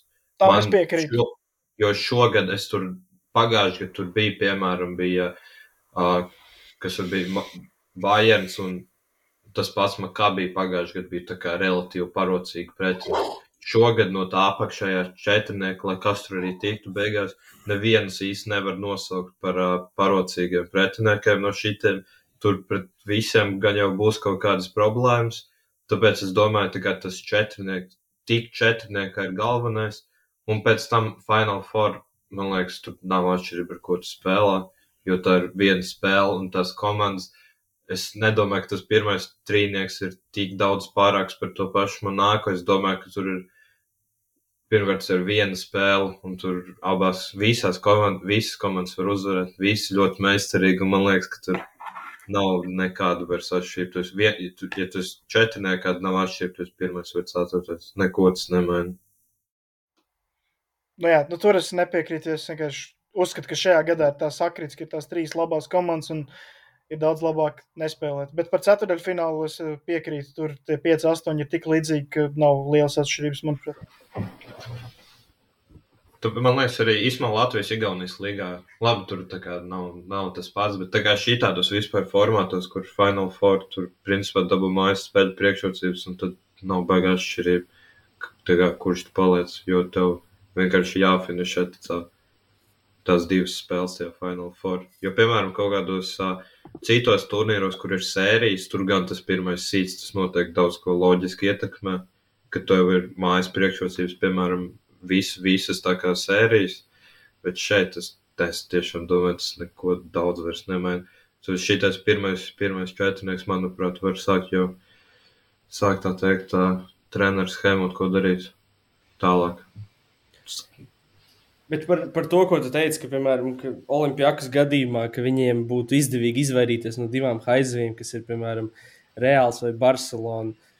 Tev neliekas, ka, ka tas varbūt Eirolandes sakrēt īpaši par cik tā ir viena spēle, ka tas varbūt vairāk ir, ir matchup specifika. Jo es, piemēram, teiktu, ka tāds partizāns, man liekas, vienā spēlē tīri no matchupiem, ko es tā redzu, varētu būt sarežģītāks nekā, piemēram, Barcelona tieši tī, tīri no, no matčupiem, tīri teo, teorētiski, tikai un vienīgi teorētiski.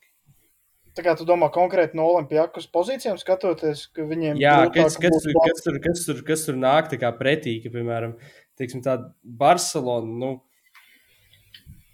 es neredzu tur nekur kaut kādas baigās atšķirības vai kaut ko tamlīdzīgu. Piemēram, piemēram tev, Uh, Partizāns var nākt ar pavisam citu fizikalitāti, ar kādiem, vairāk, es teiktu, vairāk ķermeņiem, ko mēs virsū tur vezenkom un kādām tādām lietām. Ar vienkārši kaut kādu uber traku centru, kurš ieliek divus dāngus un, un tā plosās, ka vienkārši viss kaujas arēna trīc, jo tur ir pilns ar serbiem. Tik, tur, tikai vienīgi no tāda aspekta. Es domāju, ka tur Barcelonai arī ir pietiekami daudz uh, cilvēku, ko mest virsū Vezenkovam. Un... Nē, tas kā viens piemērs, vēl, piemēram, arī tie paši uh, mazie, ka tev ir tāds, kas tev ir, tev ir Dante Eksums, kurš vienkārši kā divmetrīgs atletisks aizsargs, kurš ir starp citu bijušais Barcelonas basketbols. Jā, bars... labi, ok, labi, sazināt tā, man liekas, vispār visa Eirolīgā nav, manuprāt, vairs neviena tāda otra kā Eksums. Tā kā tik tāda atlēta viņa pozīcijai tīpaši. Bonga ir kaut kas līdzīgs. Nu, ķēde, bet nu, tagad tas, nē, nē, nē, tas nav vērts. Tas there's levels to this. Nu, tā kā ir atšķirība, vai, piemēram, tev ir slukas slapro, vai tev ir, piemēram, slukas eksums. Jā, nu, kā es eksumu pirms sezonas raksturoju kā atletisku dzīvnieku, kas noderētu Barcelonā, ja būtu tāds, bet es nezinu, es daļai varētu atgriezties pie Partizāna Barcelonas spēles, kas bija šonadēļ.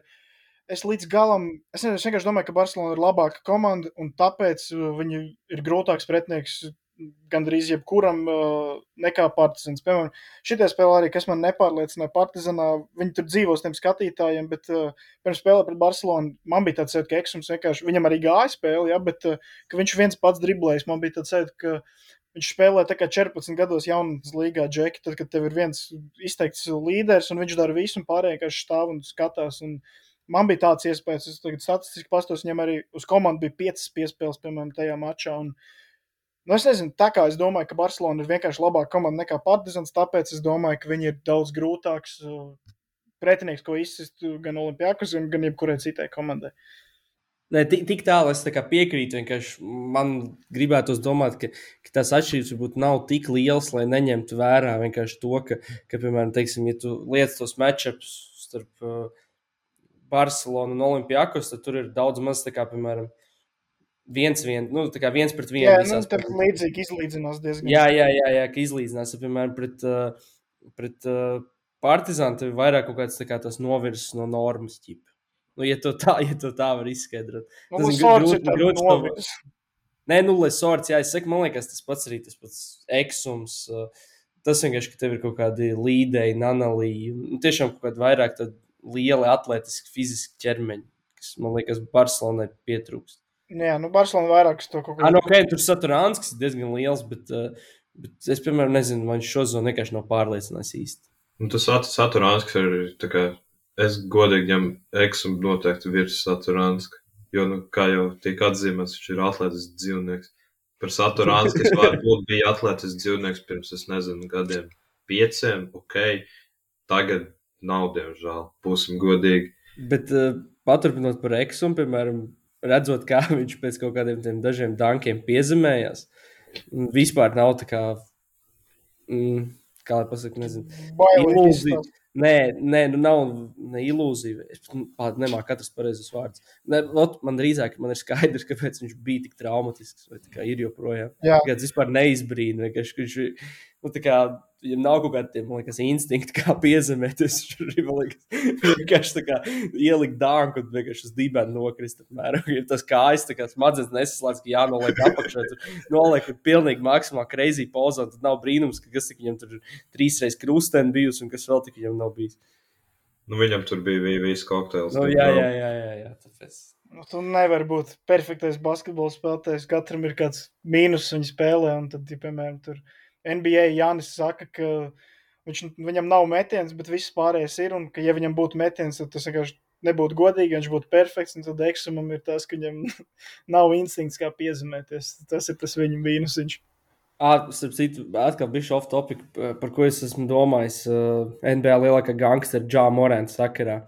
Un redzot to, kā ir attīstījušās un kā šobrīd rīta Rasela Vesbruka un Derika Rauza karjeras. Uh, vai jūsuprāt, ir reāli nomaukt uh, pilnu karjeru bez kaut kādiem lieliem kritumiem vienā brīdī?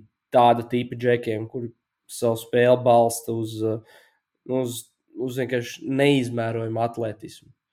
Nu, Paskatāmies, kas notika Derek Rose pēc traumām, kas, kā Vesbruks šobrīd izskatās. Uh, Morants ir vienkārši vēl jauns. Viņš... Bet tas man liekas, tiem maz, super mazajiem, super uh, eksplozīviem atletiskiem, man liekas, tas vairāk ir viņiem tieši raksturīgs. Ne, nu, jā, jā, tas... nē, tāpēc es saku, es tieši par, par šādu tipu spēlētājiem. Jo eksums, ah, ja man liekas, man liekas, eksums... to Jāņa saka, domāju, tāpēc ķip. Es vai tu teici, Jāni? Nē, nē, mēs jau tādā veidā nē, nē, nu, šo nē, nē, trīs nosauc. Un, un, nu, gan jau, es, es tev piekrītu kaut ka, nu, kaut un, kad jau plīst tas viss. Eksum gribētu uz pieskaitīt kaut cik pie šiem, bet viņš gan ir arī, teiksim, tas atletisms joprojām ir redzams, bet tā kā viņš spēlē Eiropā, nav tā, ka pilnīgi nu, katra darbība, ko viņš veic, ir balstīta tikai tāpēc, ka viņš var uzlikt septiņreiz augstāk nekā viņa sedzējs vai pretspēlētājs. Jā, pat arī ne, ne tas tikai, ka tur tu vari noraut traumu un tev var nepaveikties, bet vienkārši tas, ka kaut kādā mirklī tas atletisms sāk pazust, un uh, tad tev ir jāsāk paļauties citām kvalitātēm. Un, piemēram, ne Rauss, ne Džāne, kurš Vestbruks, viņi neviens nav nu, tāds ļoti izteikts metējs, ja viņi var iemest, bet nu, neviens nav tā kā snaipers un kaut kāda tā kā tehniku un metienu pazaudēt. Piemēram, Stefs viņam, cik, viņam pietiekami daudz gadu, viņš joprojām nereāli labs ir. Jā. Tāpēc, ka... 5 nav, vai cik? Nu, re, un, piemēram, Lebrons arī viņš iemācījās mēstis, atļaušos teikt. Un uh, arī kā playmakers ļoti progresēja, un uh, tev ir jāatrod citu veidu, kā būt efektīvam, jo tas, tas atletisms nav mūžīgs, manuprāt. Ok, varbūt Lebronam izskatās, ka viņam ir, bet nu, viņš tur atbalsta savu spēli tagad vairāk uz citām lietām nekā dankiem pāri cilvēkam. Bet, uh, nu, jā, tā kā tev ir jābūt citām lietām, un ja Džā, piemēram, nedabū fantastisku metienu un tur, nezinu, nekļūst par ideālu playmakeru, tad kaut kādā mirklī tas beigsies arī neatkarīgi no tā, būs traumas vai nē. Manuprāt. Bet uh, nav tā, ka Džā no šiem ir uh, vismaz savā pašreizējā karjeras posmā labākais metējs. Jo viņš tomēr pretēji Vesbrukam un, un uh, Dīrauzam viņš ienāca līgā jau tajā brīdī, kad, kad visi meta tālos. Jā, nu tas varbūt viņam sajiet, jo viņš nezinu, ātrāk un intensīvāk var sākt strādāt ar savu metienu, jo viņš saprot, ka tas ir ļoti vajadzīgs mūsdienās. Es ļoti šaubos, vai viņš to saprot, bet uh, gan jau ir treneri, kas viņam to saka. Bet uh, vēl es, uh, tagad, kad tu atgādināji, ka Stefs ir jau vecs, es uh, saslēdzu ļoti interesantu faktu, ka viņi ar Milošu ir praktiski vienaudži. Milošs ir par, uh, sanāk, Milošs ir tieši gandrīz par gadu vecāks. Milošs ir 1987. gada 19. marts, un, un Stefs ir nākamā gada 14. marts. Es tagad atceros, ka tam Niko Manionam, man liekas, bija intervija. Viņš bija Golden State vai ne kaut kādā. Jā, jā, jā, jā, jā. Draftē, liekas, viņam, jau, viņam jautāja kā, nu, par kaut kādu, kas ir tur NBA, tur lielākais dūzs, kas ir Eiropā, un viņš teica, NBA lielākais dūzs ir Stefs, un Eiropas lielākais dūzs ir Milošs. Tas ar viņu vieno ne tikai vecums, bet arī, nezinu, viņa status Niko Manionam acīs. Man liekas, viņš un Gēlīts ir divi vienīgie, kuriem sanāca uzspēlēt komandā ar šiem mošiem, kādus aizmirs. Nu, mūsu jubilārs Andris Biedriņš arī, bet tas ārpus konteksta. Viņš ar Milošu neuzspēlēja komandā. Ā, tu domā, abas divas, jā. Nu, nu kas kopā ir uzspēlējuši, kopā uzspēlējuši vienā komandā, jā. Nu, apgrūti ar divām leģendām. Ā, zinu, zinu, es zinu vēl vienu, es zinu vēl vienu kadru. Alans man laikam uzgriez ar abiem diviem kopā arī. Nedovičs arī, jā. Vo, skatu Viktorīnas materiālu mums te parādās. Nu, Smailagičam tur tās NBA minūtes, man liekas. Nu, nē, nu, bet viņš no uz papīra, viņš bija ar viņu vienā komandā. Uz papīra, jā. Gan jau ir kāds, kurš NBA tur kliperos un, un varjoros ir mētājies, bet Milošs NBA bija pavisam kaut kas cits. Jā, un šo te es atceros vēl ar Džamarēns, man Talmutins šozon ir 30%. Pusgadīgi nav fantastiski. Principā, nu viņam karjerā ir Nika Kalates cipari no tālens, un, un tur gan jau vajag kaut ko uzlabot. Nē, tas Nā, bija vairāk tā tīri, man liekas, pēc, pēc skata, ka viņam tas metiens nav tik drausmīgs. Es, piemēram, kā Veisbruka metienu un Dīros metienu skatoties, mums agrāk bija tā, ka tu kā bišķi sāpēji pašam skatīties. Mm. Un tā kā jūti, ka tas metiens ir ļoti tāds nērts. Veisbruka projām sāp. Okay. Es nezinu. Ļoti tagad, nepatīk. Jūs, jūs ieminējāties par Veisbruku, un es atceros epizodi Partizan Reāla mačā, kur uh, Lesorts tā kā izgrūstīja Vincentu Porjē, iesprauda, un pēc tam tā kā skrienot līdz centram ļoti ilgstoši tā kā nesāja mazuli Vestbruka manierē. Tā, tāda epizode redzēja. Jā, viņš nākamajā uzbrukumā trojka iemet tieši bezsakarā. Un pēc tam interesants fakts, viņš iemet to trojku, viņš pēc tam, man liekas, nākamajā uzbrukumā mēģināja pick and pop spēlēt. Un otru airbolu uzmet. Tā arī gadās. Citu, es arī runājot par Vinsānu Porjēs. Uh, Tieši vakar klausījos VF podkāstu ar Jevgeņiku Suškinu, un viņš atgādināja par to. Tur bija jautājums par to U20 izlasi, kas izcīnīja sudrabu, kur bija Kaspars Vecvagars, Jākovičs, Gražuls, Ojārs Siliņš un vispārējie. Uh, nu, tur bija, jā, jā, tur vēl visādi Roberta Krūmiņa, Elva Saulīša un tā tālāk. Um, Edgars Štelm, kas arī, laik, nu, labi, nav svarīgi. Uh, un tad es uh, papētīju vienkārši, kas vēl spēlēja tajā turnīrā. Un, piemēram, Vinsants Purjē bija Francijas, laikam, trešais centrs tikai tajā turnīrā. Viņš bija kā, viņš ir 93. gads, un viņam priekšā pat bija gadu jaunāks Muhamadu Žaitē. Mm. Nu. Interesants fakts. Nu, Galdi pagriezās. Nu, Un tas ir vēl- pagriezušies, bet ne tik ļoti. tā Kā, tomēr abi ir NBA spēlējis.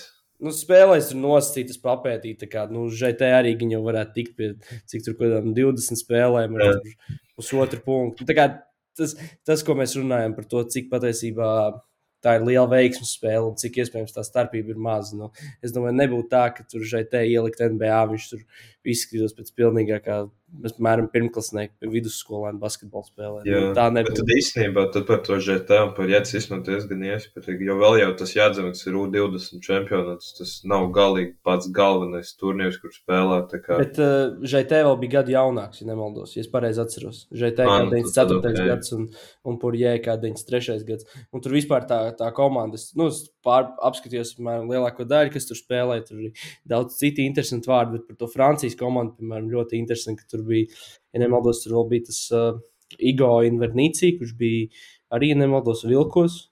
Uh, tur bija vēl kaut kāda pāris džeku, es tagad laikam piemirstu, un tur bija tādi, ka, kas vienkārši kas kā spēlēja normālu lomu. Un tad tu apskaties, ka viņam ir galīgi kaut kas nesagājis, un viņš ir atpakaļ Francijas līgā jau, jau cik ilgi. Trešajā līgā. Jā, Ah, trešajā. Trešajā, ok, jā, jā, jā, jā. Jau likās, ka tas ir Francijas līgā. Nē, Nē, nē, nē, likās, tas ka domā, ka kaut ko nenormāli sliktu karjeru. Tas normāli. Tur bija, man liekas, tas uh, Masangs. Nu, tur visādi samērā zinām vārdi bija. Un tad vienkārši, jā, kaut divi, trīs, kas vai nespēlē, vai ir Francijas, jā, zemākajās līgās. Bet nu, gan jau varētu nedaudz apaļauties, es tā pieņemu. Ja, ja, ja vai ir vēl, Jā. vēl kaut kas, ko gribētu noslēgumā. Es gribu Kristiānam pajautāt, uh, es saprotu, ka valsts te saka, Madrids Reāli. Es saku, nu, es saku, ka viena no tām trīs komandām 100%, bet uh, priekšroku dod Barcelonai par spīti tam, ka viņiem būs jāaiziet cauri arī Reālam pusfinālā un jāpaņem tituls. Uh, es gribu pateikt Kristiānam, ko viņš saka, kas ņem titulu šogad.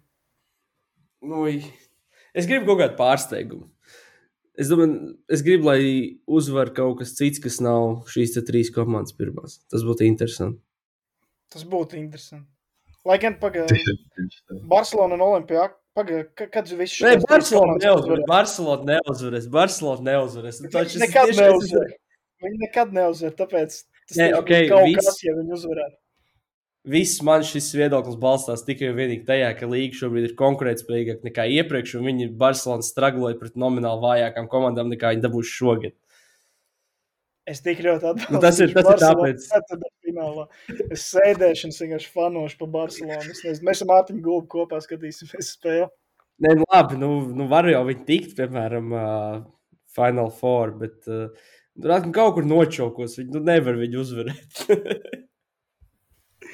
Labi, būs jā. Tagad jau īstenībā viņi zaudētu pusfinālu. Tas no viņa, viņa perspektīvas būtu vēl bēdīgāk. Viņ, viņam pretī mums ir vēlreiz atkal šī komanda bez treneru. Vienkārši, vienkārši kungi atnāk uzspēlēt tāpat. Viņi, ja viņi tos, tad viņi tad nevarētu uzvarēt. Tad, tad gan ir pazars. Pagājušajā gadā pusfinālā vēl bija Laso. Ja? Bija, Jā, bija, bija, jā, viņš jā, uz ACB, pareizi, uz ACB viņš pusfinālā tieši. Ah, bet Gadies. ACB finālā tad bez treneru Madrid apspēlēja. Bars Nu, pagājušajā bija padomā. Nu, bet labi, tur treneris bija visu gadu laikā uzbūvējis komandu. Tur arī varētu es visticamāk viņus līdz titulam aizvest. Tas kā nav, nav nekas tāds tāds. Tur. Bet tagad visu sezonu Džeki reāli vienkārši tāpat spēlē. ķip. À, man, man Viss. vēl ir jautājums, cik jūs būsiet pārsteigti, ja astotais sīts izsistīs pirmo? Es būšu pārsteigts. Es būšu ļoti pārsteigts.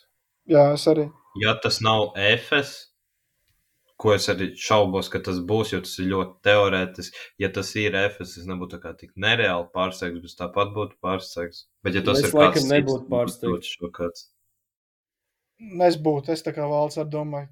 Jefes, Es nebūtu pārsteigts, tāpēc, ka es nebūtu pārsteigts tīri atkal atkārtošu. Tas ir reāli līdzīgākais gads, kāds ir bijis Eirolandes vēsturē. Līdzīgākās astoņas komandas, kas būs plēfos, jebkad. Nekad nav bijušas astoņas tik līdzīgas komandas spēkus. Nekad.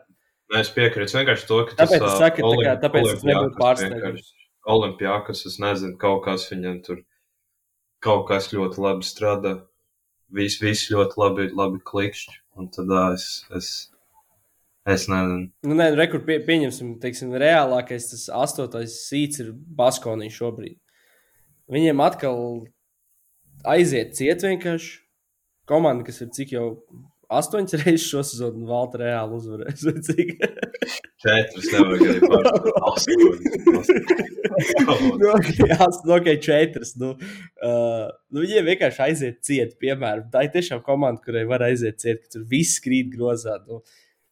Es, Bet tur tev- nebrīnītos. Nu. Bet vajag, lai tev iet trīs reizes piecas spēles. tā kā griezumā. Vienreiz Hovardam, vienreiz uh, Nē, tur, tur tā lieta, ka ne, nevajag. Viņiem nav pat tā, ka viņiem ir jāaiziet tik ļoti ciet, ka tas būtu nereāli, ka tā aiziet ciet. Vienkārši nu, tā kā normāli jāmet principā. Es saku, tiešām līga tik līdzīga, kā mums šogad, nekad nav bijusi. Nekad. Ok, varbūt ir kaut kāds, tur, tur es nezinu, kaut kāds basketbola zinātnēks noklausīsies un izvilks man kaut kādu 83. gada sezonu. Ja? bet, bet es domāju, tā, nu, tāda, teiksim, 20 gadu griezumā. Nē, nē, es piekrītu to, ka tā, ka vismaz cik ilgi es esmu sekojis Eirolandā, tā kā tā atšķirības starp pirmo un astoto šogad ir uh, krietni mazāk nekā iepriekšējos gados. Pagājušajā gadā arī bija, pagājušajā gadā bija milzīga atšķirība. Ja tur nebūtu Barcelona pirmajā vietā, tad būtu noteikti 3-0 bijis. Nu, tieši tā, un kas liek domāt, ka šogad tur kaut kas labāks būs. Satoranskis. Nē, Jo, labi, es nav, nav, Ka Latvijas dažreiz pazūd. Lai gan viņš vienīgais tur dažreiz spēlēja labi Barcelonā. Bet ok, tas ir cits stāsts. Forza Barça vienkārši un viss. labi, redzēsim visu tāpatās no 19. līdz 21. maijam Kaunijā. Jā, un vēl pirms tam redzēsim, cik, Jā, cik no būs 25. līdz atlētas. 10. No 25. aprīļa līdz 10. Tā kā, Jā, jā, paldies, ka klausījāties. Čau! jā, Čau! paldies, čau, Hala Madrid.